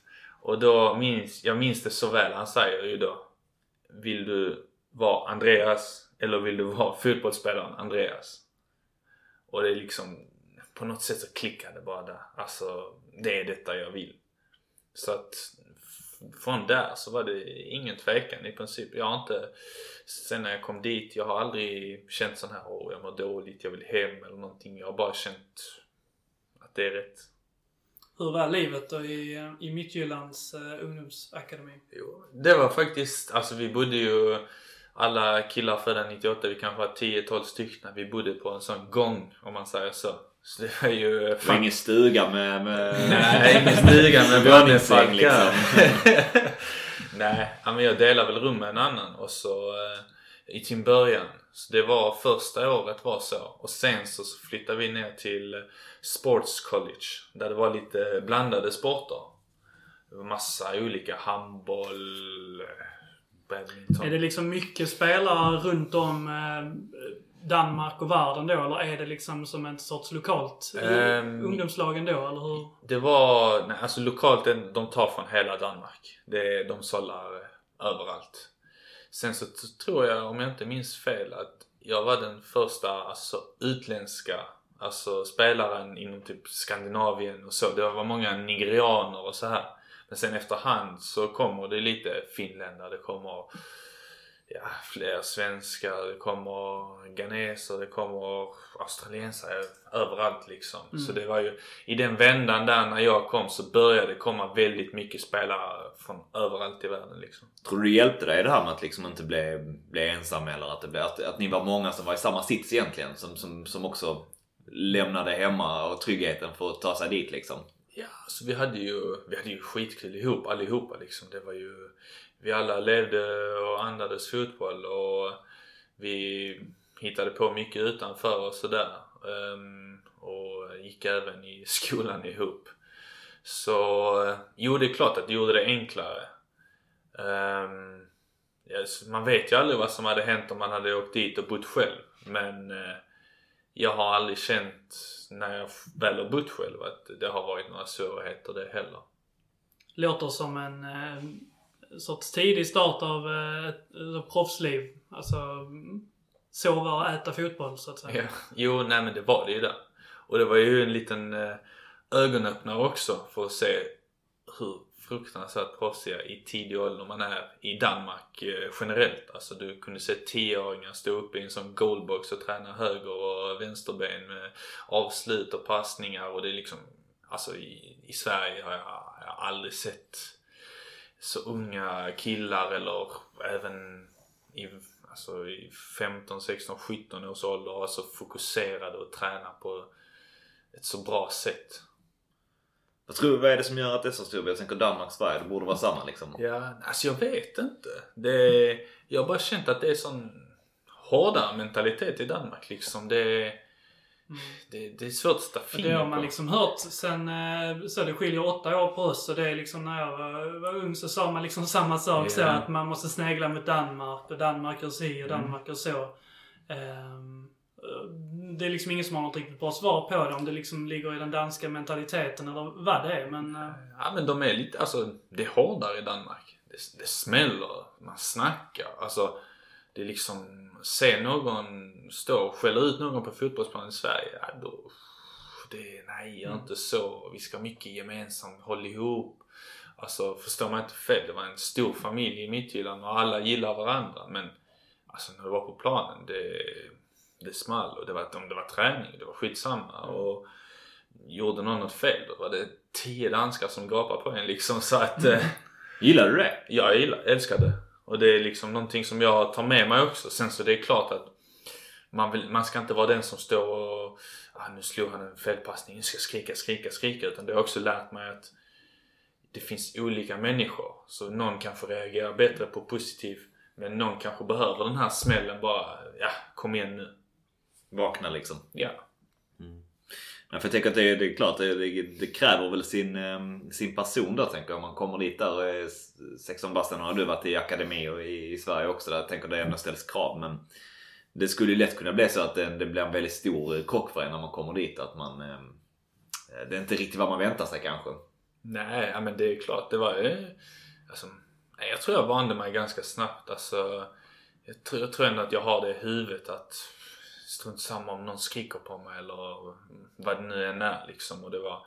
Jag blev ändå redan på hösten där så blev jag inslängd och åkte med till Argentina med eh, U19-laget och då fick man ju känna på de ännu äldre där och det var ju liksom ja, gå in där och spela. Ja, alltså, du kan inte göra bort dig för då kommer du få höra det. Det är liksom, det är klart att gå efter matchen där och gjort bort sig, då sneglar ju hela laget på en. Så, så är det ju. Upplever du att det var någon eh, liksom skillnad i Danmark och Sverige i eh, hur ungdomslagen spelar och hur ungdomsspelare, pratar om juniorlagsspelare ish, men hur, eh, hur man är som spelare och hur man är som lag? Är det liksom, kan, kan du peka på någon så, se- så var Danmark och så är Sverige? Alltså, det som man hör många säga också det är att i Danmark att det är ju mycket det smäller som fan. Alltså det är, det är hårt. Men det är även väldigt skolat. Alltså spelarna är lite snabbare, lite starkare. Eh, lite tekniskare. Alltså det går, det går väldigt snabbt. Och det, den U17 och U19-ligan där, alltså de är bra. Det är riktigt, riktigt bra spelare som eh, löper runt där och ja, det är så, jag skulle säga att även om det ligger grannar så jag tyckte allting var lite bättre. Sen det är klart att Malmö FFs akademi hade kunnat spela i U19-ligan. Säger jag inte någonting om. Men det visar vi väl, alltså jag minns vi var på skandinaviska mästerskapen. Vi gick dit, vi hade väl spelat gruppspel och eh, finaler. vi hade 12-0 i målskillnad. Slog Malmö 3-0 och det var liksom, ja, vi var bäst och det var ingenting att snacka om. Eh, ja precis, det läste jag också. Ni vinner det här Nordiska mästerskapen eller vad man kallar det och så. Och du var även lagkapten där. Var, var du lagkapten eller var det så att de gav dig bindeln för, eh, för turneringen eller så? Ehm, nej men jag minns inte om jag var vice eller något sånt eh, mitt eh, sista år där i U19. Jag var väl en av de bärande spelarna i U19 där sista året så att jag, jag var inte någon uttalad lagkapten. Jag tror jag var andra eller tredje liksom. Så då, ja. Men du var en given, liksom tongivande spelare i... eh, Ja, det får jag ändå sägas. Jag blev ju utnämnd årets U19-spelare mitt sista år där. Så att, ja, det, Mm. det kan jag inte säga någonting annat om. Men är du uppe sen och känner liksom på A-laget i, i Midtjylland också? I mitt sista år så var jag eh, från, eh, vi spelade höst-vår. Så på våren där när, så var jag med hela försäsongen och jag åkte till eh, Dubai med A-laget också. Och eh, skulle spela med BK Häcken men blev tyvärr eh, skadad under det lägret. Så eh, det blev inga mer matcher där. Och eh, sen var jag väl på gränsen och var med på bänken och alltså jag var aldrig med på bänken i A-laget men jag var ju där precis under liksom. Så spelade alla reservlagsmatcher och alltså det, jag hade ett väldigt, väldigt bra sista år. Men det var när det väl tog slut där och mitt kontrakt gick ut så var det aldrig riktigt snack om att förlänga för jag hade 2,97 mittback och båda, båda landslagsspelare och man kände att ah, jag, jag vill spela eller jag vill i alla fall hitta en klubb där som tror på mig och där jag kan konkurrera. Så att det blev aldrig riktigt det steget i Midtjylland. Var några, under din tid där i, ehm, i akademin med Midtjylland, så är det många med dig som har tagit klivet in liksom i eh, eh proffsfotbollen också? Ja, det finns en del lite här och där. Det är, har någon som spelar i Red Bull Salzburg, Dynamo Kiev. Ehm, några som gör det riktigt bra nu i A-laget i Midtjylland. Någon i Borussia Mönchengladbach som gick till Borussia Mönchengladbach. Alltså så det finns jättemycket. Det är, Det är lite skillnad från dina, dina kompisar i Boy som spelar i Vorm och Glumslund. Jo men precis. Det, ja det är skillnad. Nej men det var alltså, det var Ja. bra spelare. Alla var, när jag spelade i, i eh, Midtjylland, vi var ju liksom, hade vi 11 startspelare så var ju minst nio stycken landslagsspelare liksom. Så att det var, Spel, har, du- har du någon så här eh, outstanding spelare som du spelar med, som du minns, som du, ehm, som, som du tror kommer göra ett riktigt avtryck i fotbolls... Um, just nu så finns det väl en i uh, Midtjyllands A-lag. Uh, Frank Onyeka. Som är lika gammal som mig. Afrikan från Nigeria då, från den akademin. Han blev, väl- han blev väl säkert såld för 50-60 miljoner nu här till sommar eller någonting. Så det, han är väl nästa till uh, stå på tur. Skulle Jag såg det. Jag, jag, jag hittade en gammal Twitter-profil som du hade för typ 2015 Ja. eller någonting. Det var otroligt flitigt använd där under, under en vår till att sen stoppa helt och hållet liksom. Det var, inte, Ja. det var inte en tweet för, efter sommaren 2015. Men eh, där, där uppmärksammade jag det. Verkar vara en, en spelare som, som, som lirar i A-laget eh, nu också. Som, som du verkar ha kommit ganska nära där. Ja, Mikael Ja. Andersson, precis. Han är fortfarande lika nära. Han är, eh, ja, som en, som en bror liksom. Jag, han, han kommer vara med mig livet ut. Så eh, nej men han, eh, Han har väl eh, varit, han var en sväng i Excelsior också förra, säsong, för förra säsongen i Holland och spelar och han är med i Islands A-landslag. Så han är ju också en som, ja, ska slå igenom fullt, fullt ut eller bli såld för en 10-20 miljoner i alla fall. Och äh, du spelar med Rafael van der Fart äh, i Finland också. Hur var det att träna med honom? Ja, det var speciellt. Han är lika träningsflitig som du. Träning? nej, nej, nej, nej. Han var väl... Jag minns... Jag tror han kom från Real Betis då. Och de ville ju bara bort med honom. Och så var det ju äh, hans... Äh, hans flickvän eller fru. Ja. Just det. De, Ja, ja, ja. Hon, spelar, hon flyttade ju och spelade i Esbjerg. Så han... Det var därför han kom till Danmark. Just det. Så han kom väl dit överviktig och omotiverad. Nej, inte omotiverad, men han var inte fit liksom. Och lite skador hit och dit. Och jag tror det var lite för hårt. Alltså lite för hårt. Danmark, det passar inte honom så bra heller. Men alltså, vi spelar ju några, en del reservlagsmatcher med honom och det var... Det är Alltså- fint att van der Fart spelar i Midtjyllands reservlag. Ah, nej men det var bara ge han bollen så kunde han slå honom bakom backlinjen varje gång. Han var, han var riktigt, riktigt, riktigt eh, fin spelare. Men, en bra människa också. Men eh, han, var inte, han var inte där. Det var, det var ingen eh, Tottenham eh, van der Fart som var i Midtjylland. Är det den bästa liksom, spelaren du har eh, tränat med? Då menar jag inte bara på rykte liksom, utan så i ren eh, eh, kvalitet när man såg honom så. Oj. Alltså nej, det vill jag inte säga i så fall. För han var inte fit. Alltså, jag måste säga att jag, även om det inte gick superbra för Kristoffer Olsson i eh, Midtjylland, så tyckte jag han var fantastisk. Han var så skön att spela med också. Det var liksom du ger han bollen, behöver inte ens tänka. Han, löser. Alltså, ge han den var du vill, när du vill. Han löser det. Jag tyckte han var så bra. Redan då såg man att, eh, ja, Midtjylland, att de valde att släppa honom och slänga iväg honom. Det var ett misstag. Och det har ju visat sig nu. Han är ju fantastisk.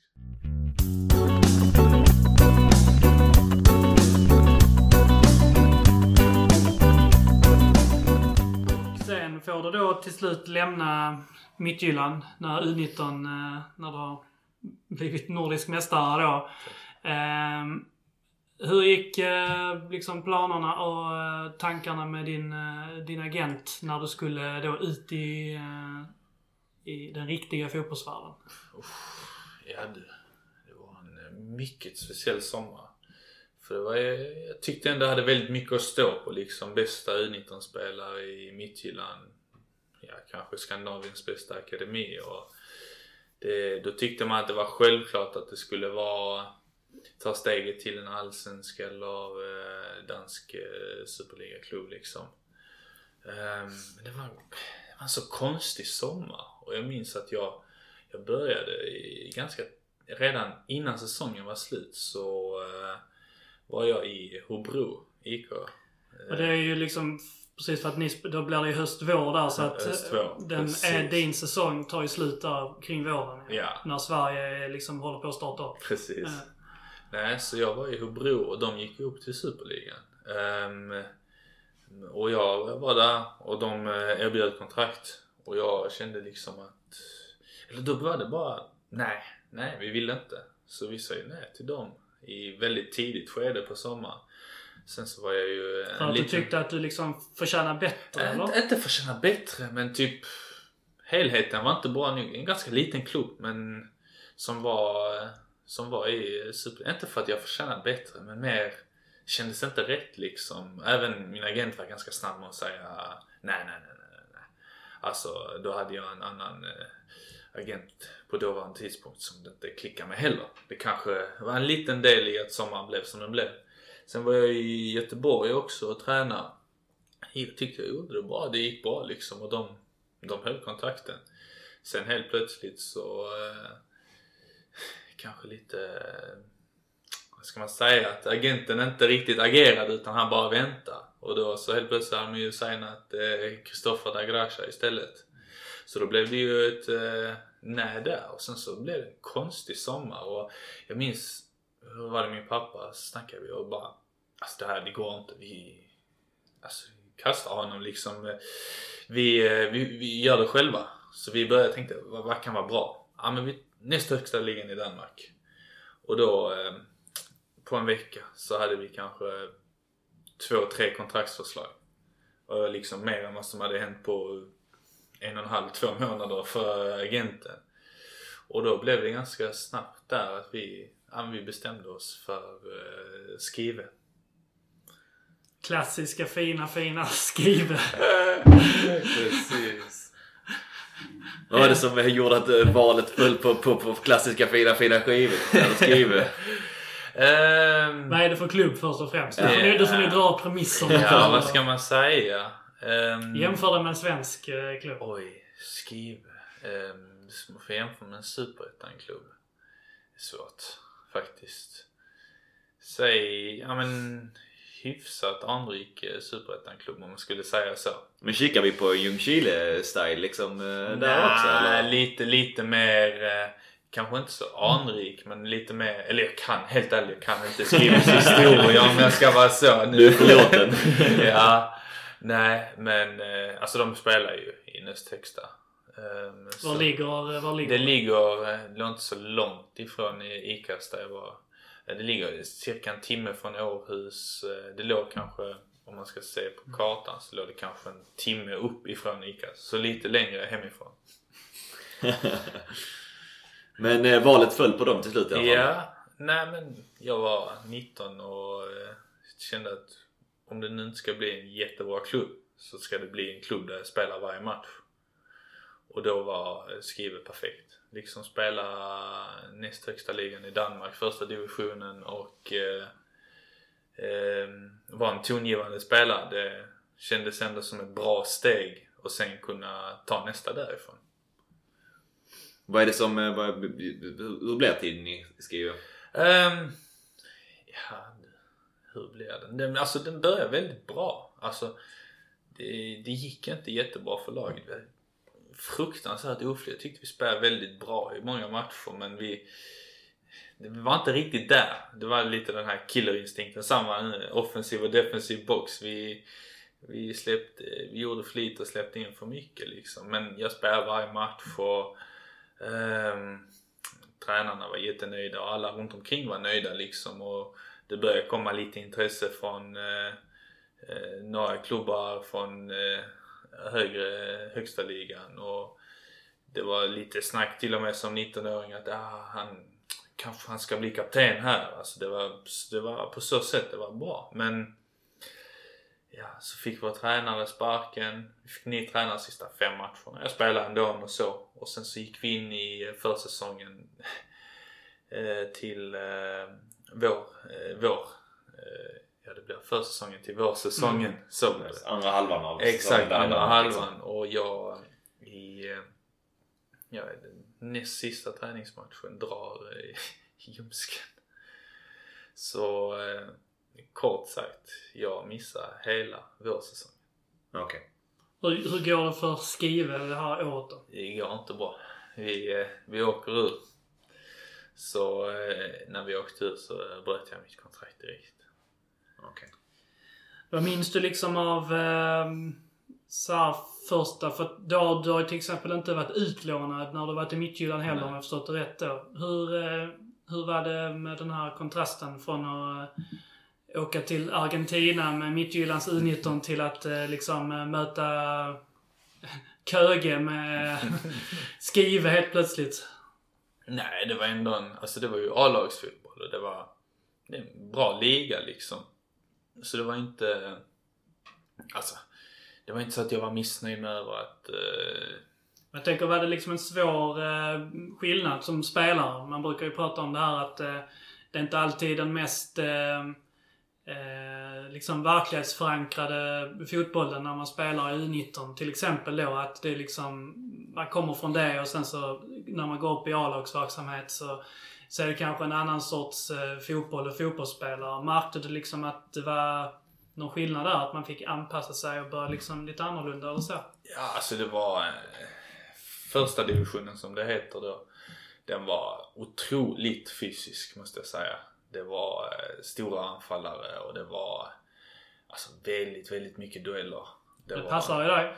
Passar. Det, det gick ju också bra men eh, Ehm, ja, en, omst- en omställning. Men jag tyckte ändå jag kom in i det rätt så snabbt där. Så att eh, rent så från junior till senior om man ser till skrive så tyckte jag ändå att jag anpassade mig väldigt snabbt. För jag tog ju min startplats direkt och blev en tongivande spelare i nästa högsta ligan. Så det, det får man ändå se som godkänt även om det inte riktigt blev som det skulle med både placering och med eh, ja, skadan under våren. Så trots allt lite grann av ett bortkastat år i eh, Andreas eh, fotbollsliv. Det blev ju så. Det var ju alltså... Men ingen kan ta ifrån att du har spelat i Skive. Nej. Det... Det är, ja, du är kanske den enda svenskan i någonsin. ja. Jag, tänker, jag försöker tänka om... Böna, gå och forska i det. Ja. nej det, så kan det nog vara. Ja. Ja. Men eh, du vill veta mer om, om. Vad- Hur ser deras idrottsplats ut till exempel? Ehm, Är det liksom en, en nybyggd tråkig anläggning eller är det liksom något så här mysigt, idylliskt eh, liten eh, ort med en... Eh, oj. vad är det för något? Ehm, nej men ganska så eh, alltså, modern träningsanläggning. Typisk. Några gräsplaner, konstgräsplan. ehm, en ganska tråkig stadion så. En enkel läktare på ena sidan och sen så en löparbana runt om och så fick man stå där. Så det var ju Vad var publiksnittet? under en så dålig säsong. Ja. Eh, jag, jag minns faktiskt inte. Det kanske var uppe och snittade mot en tusen men det var inte mer. Danmark känns det nog så, alltså typ så andra ligor så att det är, det är ganska mycket löparbanor och, och annat så. Ja. Det var- Jämfört med här, att det ändå är på lite annat sätt kanske. Jo men det var det faktiskt. eh, Det var, fanns några bra stadion men några lite tråkigare också. Jag är ju en man som uppskattar en, en löparbana kring, kring en Ah. fotbollsplan ändå. Alltså, jag tycker att det finns någon charm i det. Att det, det är ofta liksom det där gamla lever kvar att det inte... Man kommer ifrån det här nya liksom bara eh, samma, samma skokartonger som, som kan serveras ibland när man kommer, kommer upp i Allsvenskan och så. Jo, nej jag vet inte. För mig löparbanor, jag, jag tycker det är lite... Det blir så stort runt om planen. Jag tycker det är, det är skönare om det är mer kompakt så man kan känna hela den här atmosfären med fansen och så. Jag hör dig det men nej, jag, tycker ändå det, det har någonting. Glad att Skrive har, har löparbanor runt om sin, Ja. sin, eh, sin fotbollsplan i alla fall. Ehm, Det är väl så enkelt som att Sverige har det delvis också för att eh, på grund av EM att man inte hade löparbanor då. Kanske som i, eh, i England och eh, ståplats eh, ifrån EM 96. Men eh, Skrive har vi nog inte pratat om tidigare i eh, podden, så det är kul. Hur... Eh, så att då eh, blir det liksom ingen avslutning på, på säsongen där. Du drar din, din ljumske då. Hur, eh, hur, går liksom tankarna och så sen? Var det till exempel, för du pratade om att när det gick bra så var det ju prat om klubbar högre upp till och med i, i Precis. Danmark och sen så landar du till slut i skogarna i, i Ljungskile där. Hur, Ja. eh, vad händer liksom från den punkten till den punkten där? Ja, ehm, det var ett fortsatt intresse. Men det var inte så att bara vi tar honom. Utan jag var, jag var och tränade med två klubbar i högsta ligan. Och en tränare som alltså, jag kände lite sen innan och han var väldigt sugen på att ta in mig. Men eh, alltså jag kom ju dit otränad och jag skulle spela en halvlek. Och eh, såklart så blev mittbacken skadad efter eh, 15 minuter så jag får spela 75. Och jag går på mina knän den sista kvarten eh, av matchen. Och då kände jag liksom att, ja det var, vad var det? Tre, tre veckor kvar till seriestart. Och jag går in där och ska prata med honom och han säger att det är tufft för vi vill att du ska, om vi skulle ta in dig så skulle du spela varje match nu direkt. Och det är liksom, ja okej jag förstår. Så det blev ju en väldigt eh, lång eh, sommar och höst. Jag höll ju även igång med eh, Landskrona då under det året då de åkte ur eh, Superettan. Och eh, ja, jag är ju klubblös hela hösten. Och det var ju lite, jag fick någon återfall också med ljumsken just då under sommaren och det eh, och sen blev det där eh, under lite senare höst att jag höll igång med Landskrona i princip säsongen ut. hur är det att liksom vara, jag tänker du är 20-årsåldern då. Klubblös man har haft eh, lite världen för sina fötter innan dess liksom. Men eh, alltså, hur, hur håller man motivationen uppe? Var det liksom, tänker bakslag med skador men det blir inte riktigt vad man tänkt varken eh, helt sommaren innan egentligen. Eh, och sen då um, där du inte, ja, du, du är provtränare men det blir inget lag liksom. Precis. Nej, um, nej det var tufft. Alltså det, det, var, det var riktigt, riktigt tufft liksom att känna den här att man inte riktigt kom tillbaka och sen så att man inte riktigt fick en klubb. Men sen så, så började jag träna med Landskrona, sakta men säkert bygga upp mig. Och alltså fortfarande, jag var, jag var 20 år då och jag känner att alltså, det finns ingenting som eh, talar för att jag inte ska lyckas liksom. Även om det har varit ett litet hack nu. Och ehm, det blir inte förrän i sen januari faktiskt som eh, jag eh, väljer att skriva på för Ljungskile. Så det är ju hela, hela vintern där även utan klubb liksom. Så det är klart det är tufft. Det, det ska man inte sticka under stolen med. Var det liksom andra klubbar så som du valde mellan där eh, när det blev eh, Ljungskile till slut? Så? Um, inte jättemycket så, det skulle jag inte säga. Det var inte... Då och där kände jag kanske att nej, men jag vill nog försöka ta mig in i det svenska systemet lite mer. Och eh, det var många klubbar liksom, shit han ser intressant ut. Men han har inte spelat det här. Och då har jag nästan sagt att ska jag spela division 1, alltså nej. Det skojar du liksom. Det var, det var på den nivån. Det är kanske lite dumt att säga men så var det. Men sen så kom Ljungskile. Här, vi ska gå upp. Detta, detta, detta. Och då kände vi bara att nu, det är upp till dig. Gör det, gör det bra. Och så är du tillbaka.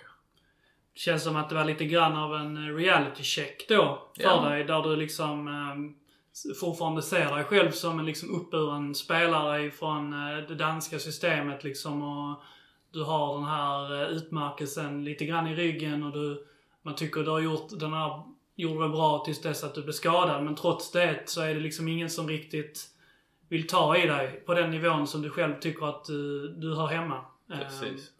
om man liksom läser mellan raderna så... Du hade ju gått högre upp om du hade fått möjligheten att gå högre upp, antar jag. Såklart, såklart.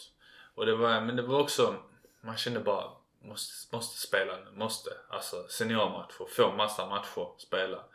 Och så, ja det blev division 1. Och det var speciellt. Och eh, hoppas aldrig jag spelar där igen. Nej men de här, det är speciellt med division 1 alltså. Det är många, det är knappt någon som är, ja, jag skulle säga halvtid nästan. Nej men det är knappt någon som är heltid där. Eller det är nästan ingen ju. Och eh, de här bortamatcherna i två år och sn- snacka om Stångby. Herregud alltså. Ja, Och in med Svante här nu. ja, ja men precis. Får ta det sen. Han sitter och spelar sin Livorno-save på nu. Går i taket när han stoppar i. Ja, Snackar du för skit Andreas? Ja, men det, är- det är ju en speciell vardag liksom. Och, eh, Ja. Man spelar ju på hålor och fina anläggningar. Men Jo, precis. Ljungskile har ju en... Eh, det är ju trevligt att spela fotboll. Ja, eh. Tvååker, det är inte lika trevligt. Nej, Nej, ja, men så det var liksom svälja stoltheten lite och uh, göra det bästa av situationen. Och eh, det tyckte jag ändå att jag gjorde på så sätt. Hur kommer man liksom, hur kommer Ljungskile in i ens liv i ett sånt eh, scenario då? Är det liksom, hur går det till när man är klubblös i ett sånt scenario då? Har man en agent som liksom ringer runt och eh, Ja. tar en titt på vår spelare, tar en titt på vår spelare eller? Jo men precis. Alltså det är ju så. De eh, jagar ju för fullt och även, sen även en kontaktperson om det nu skulle komma en klubb och ringa. Och det var ju det då Ljungskile och Jörgen gjorde. Eh, Och ringde och sa att vi vill ha honom. Och hade du liksom, var det någon form av koppling där mellan Ljungskile, Jörgen och så och dig? Hade du något, någonstans i ledet som ni kände till varandra alls? Nej, jag har ingen aning hur uh, Jörgen fick upp mitt namn. Nej men det, det kom Ja, ja. upp någonstans, jag vet inte hur. Um, och därifrån så blev det som det blev. Och eh, nu denna säsongen såklart eh, då i Boys och eh, det drar igång eh, så sakteliga. Jag har lite svårt att förhålla mig till att säsongen ska liksom hålla på att närma sig. Det är väl tråkigt att mala på om det men det är ju, ja, det är väl liksom alla restriktioner och samhället i övrigt så. Det är svårt att... Hur känner du själv liksom? Börjar du uppleva någon puls så att det nu eh, det håller på att dra igång så eller eh, känns det fortfarande som att det är februari för dig också? Nej, det börjar närma sig. Det är klart. Det känns så. Um jag tror speciellt när vi har spelat matchen mot Österlen, när vi är klara med den och går inför, eh, vad säger man, eh, genrepet. Då, då kommer man verkligen känna, okej det är genrep. Nu hit och dit och så då börjar man känna den här, okej det är sista, sista. Och sen är det dags liksom. Så att, uh, ja det är bara kul. Det, det blir så fruktansvärt kul att spela en poäng och känna den här uh, komma in lite mer i den här zonen bara när man när det bara är de här tre poängen man spelar om. Ingen publik, eh, liksom vad det verkar eller om det blir så någon, någon lite mindre så. Vad, vad upplever du? Eh, hur, hur är det att spela? Hur var det att spela fjolårssäsongen så utan, eh, utan publik? Du, ni spelar ändå på ett par liksom arenor så att säga. Ja, nej det är ju det är lite annorlunda liksom. Det, på något sätt så blev det enklare att kommunicera och hela den här men det, man kanske inte får den adrenalinkicken på det sättet att nu vill jag tysta någon eller nu vill jag eh, alltså göra fansen glada eller det här. Men det, i slutändan så spelar man om tre poäng och när det väl är tävling då är det liksom, man är inne så mycket i det så att eh, man tänker inte så mycket. Men det är klart att den här boosten från publiken, den, den får man ju inte. Någon speciell match eh, som eh, du ser fram emot extra mycket? Oj. Um, såklart HIF. Det blir kul. Alltså spela derby. Det är ju bara fantastiskt. Sen så, så uh, ska det bli lite roligt att spela mot uh, Norrby med Johan Brannefalk. Och uh, även Falkenberg med Linus Dahl. Det de två var jag väldigt nära med under mina två år i Ljungskile så det blir lite kul. Speciellt Johan som jag delat stugan med. Annat än publik som triggar igång det då Jo helt men enkelt. precis. Och se där. Spelar höger, höger eh, wingback kanske spelar då så då dra mig ditåt. Så blir han avstängd tre matcher efter där också. Exakt, med. Vad tror du om eh, själva eh, säsongen här nu? Om du till exempel jämför fjolårs eh, superettan med, med detta här nu. Du, nog antagligen den som har bäst koll på superettan av oss tre här nu.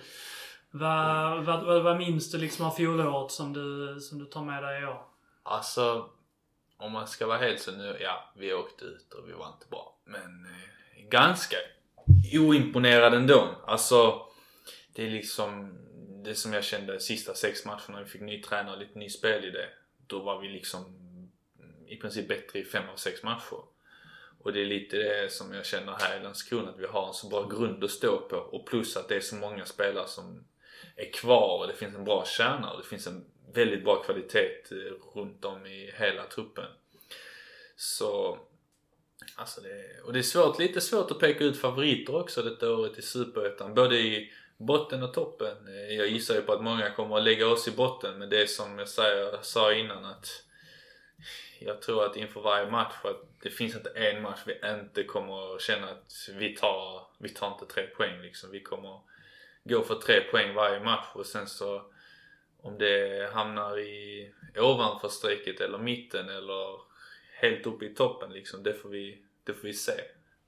Det verkar vara någon form av eh, alltså, kontrast där. För att om man kollar på resten av eh, liksom fotbollssuperettan eller hur man ska säga. Till exempel om man bara kollar på oddsättning. Mm. Så tror Boys är, eh, om inte favorit, så tvåa till att åka ur. Det Men samtidigt så när man pratar, och även gäller mycket supportrar också. Ehm, eh, alla, åtminstone de som inte är den allra mest pessimistiska. Men liksom alla man pratar med inom, inom gruppen och så också. Så, så känns det som att eh, ni upplever att man liksom sover på boys lite grann i, i Superettan. Att, man, eh, att ni har blivit undervärderade. Men det, så är det väl också lite om man ska säga så. Det är väl inte... Alltså, hela truppen är kvar från, eh, från division 1. Och då tänker man redan där, ah, ska man inte värva in 10 nya spelare som, eh, håller, som vi vet håller superettan-nivå? Och det är lite det. Det finns ju många spelare i den här truppen som håller superettan. Alla håller superettan. Och det är liksom... Då blir det ju enkelt att säga ja, ja de värvar tre spelare där. Men vad ska det göra liksom? Och det är väldigt enkelt att döma ut en, ny, döma ut en nykomling liksom. Och det var... Eh, ta Akropolis förra året liksom. Det var inga superspelare som kom upp där. Men de hade sitt spel att gå på och de blev sexa. Så att, eller ja, vad de nu blev, sexa, femma. Så att det här med odds, det är, ja, det får man bara ta det som det är och sen så fokusera på en själv istället. Mm. Jag tycker, äh, ehm, återkommer till Erik Persson när vi hade med honom. Men han är ju en av, precis som du egentligen, som ehm, en av den här truppen som kommer och ändå känt på spel högre upp. Superettan för din del Erik, då också Superettan men även Allsvenskan. Han pratar mycket om det här vad han vill ge tillbaka till de som är lite yngre och liksom eh, stötta dem liksom och ge dem tips och råd och så. Blir det här din grej liksom någonstans att vara den som gjuter in liksom någonstans att eh, inte bli inte fega för att det är superettan liksom. Vi ska, vi ska göra vår grej. Är det liksom det du kommer med? Alltså, ska jag vara helt ärlig, jag tror inte ens det behövs. Alltså, alla är i detta laget är så säkra på hur vi ska spela, vad vi ska göra och har ett så stort självförtroende på det vi gör liksom. Och även Billy och Max liksom. Det är, även om det har varit Östersund eller Mjällby, vi har sett så tydliga linjer i spelet att varför, vi, alltså vi kommer slå dem. Inför matchen mot Östersund, ja vi kommer vinna. Efter matchen mot Mjällby, ja vi kommer vinna. Ja, ja vi förlorar 3-0 båda matcherna men det är som vi pratat om igen. Skarpheten och för i boxarna. Men fortfarande i spelet, allting Alltså, inför varje match. Det finns inget lag som är bättre än oss, om man ska säga det så. Mm. Samtidigt farligt att hamna liksom i den retoriken där man hela tiden kollar liksom, man lyfter fram andra aspekter än vad som, vad det står på resultattavlan liksom. Och, menar, alla som, man har ju alltid varit, någonstans har man hamnat i en situation där liksom ett, ett motståndarlag Ja, man säger vi spelar den fina fotbollen. Ja, men vi vann. Liksom, det gäller att hitta där. Man kan, bara, man kan bara använda den ursäkten ett par gånger innan man liksom måste börja kolla på varför man inte får poäng av sitt, av det man gör också. Ja, men det är, också, det är självklart. Och det är också det som vi har tagit med oss nu. Och alla vet att, och det har ju poängterats överallt, att ja, vi har varit för svaga där. Mm. Och det är också någonting vi ska förbättra nu och som vi jobbar på att förbättra. Så det är inte så att vi bara blundar och säger att vi gjorde bra insats. Hej då med den matchen nu. nu. Nu går vi till nästa och hoppas att eh, nu gör vi mål på våra chanser att få bort bollen. Utan då går vi in, granskar det, jobbar med det och förbättrar det. Och det är klart att vi kommer att eh, vara ännu noggrannare och ännu mer påslagna när vi står där i mm. premiären och ska ta tre poäng. Har ni liksom kunnat identifiera någonting rent eh, konkret mer än att det är alla klyschorna att eh, vi måste vara, vi måste sätta chanser när vi får dem, vi måste vara koncentrerade i egen box och så vidare. Har ni liksom hittat någonting konkret så att i de här situationerna så gör vi inte rätt, vi ska göra så här istället? Utifrån de här matcherna som har spelats. Alltså det handlar ju om, i offensiv box, har du ett läge, fokuserar du, gör mål. Alltså det, så, så, enkelt är det ju egentligen bara. Eller sätt upp den spelaren som ska göra mål. Och i defensiv box, hur är du positionerad? Vad prioriterar du? Gå in i mannen. Alltså allt det här, det är så det är som sagt det är så små, små, små detaljer som mm. kommer att avgöra liksom. Nu har, nu har jag sagt som du är inne på ett gäng bra, bra prestationer som inte har lett till, till poäng liksom. Och så försäsong fortsatt liksom. Men eh, vad, vad skulle du vilja se nu? Nu möter ni Österlen, mm. klubb som spelar eh, division 1, serie under er liksom. Vad skulle du vilja ha av den matchen någonstans? Um, fart och fläkt och massor med mål liksom. Det, och eh, en nolla bakåt. Alltså man kan inte förvänta att vi ska göra 10 mål mot Österlen för det är fortfarande som jag sagt division 1 och superettan. Det är inte så att man bara susar igenom liksom. Utan eh, det är fortfarande alltså prestationen i helhet men skarphet i de avgörande lägena. Alltså, ja, nu, kom, nu ska vi komma till lägen men vi ska också sätta in dem liksom. Det, ja, så eh, bara skarphet liksom. Nu, nu börjar det närma sig. Nu är det dags att ta tag i det. Mm. Med de orden så kan vi väl lika bra ta och äh, avsluta här då. Det är dags att ta tag i det. Likaså så är det snart dags att ta tag i, äh, i seriepremiären, tro det eller ej. Äh, och det, det är väl ändå härligt. Goa tider. Fantastiskt. Så stort, stort... Eh, förresten, innan du går så. Eh, det finns ju två stycken smeknamn på dig i supporterkretsar här, så att du får välja vilket du tycker är bäst. Föredrar du murbräckan eller moränan? Oj.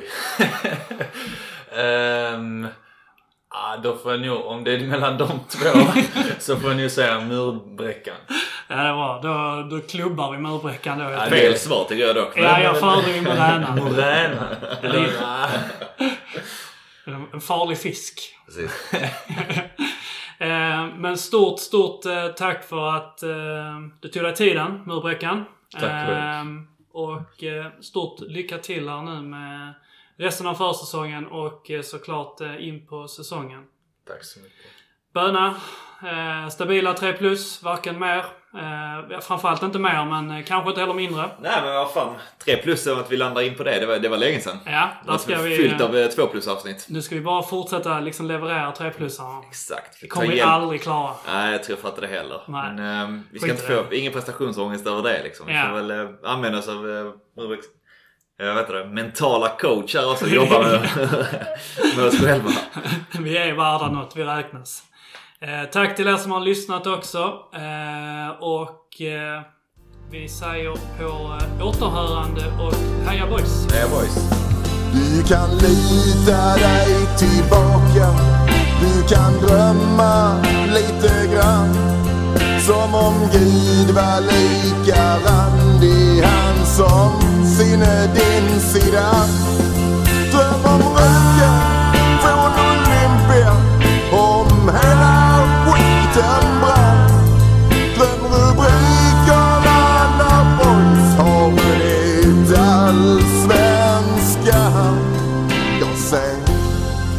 sambalek. Varm och het. Jag ser grym överlägsenhet. Ja, du ser väl det själv. Vilket underbart lag.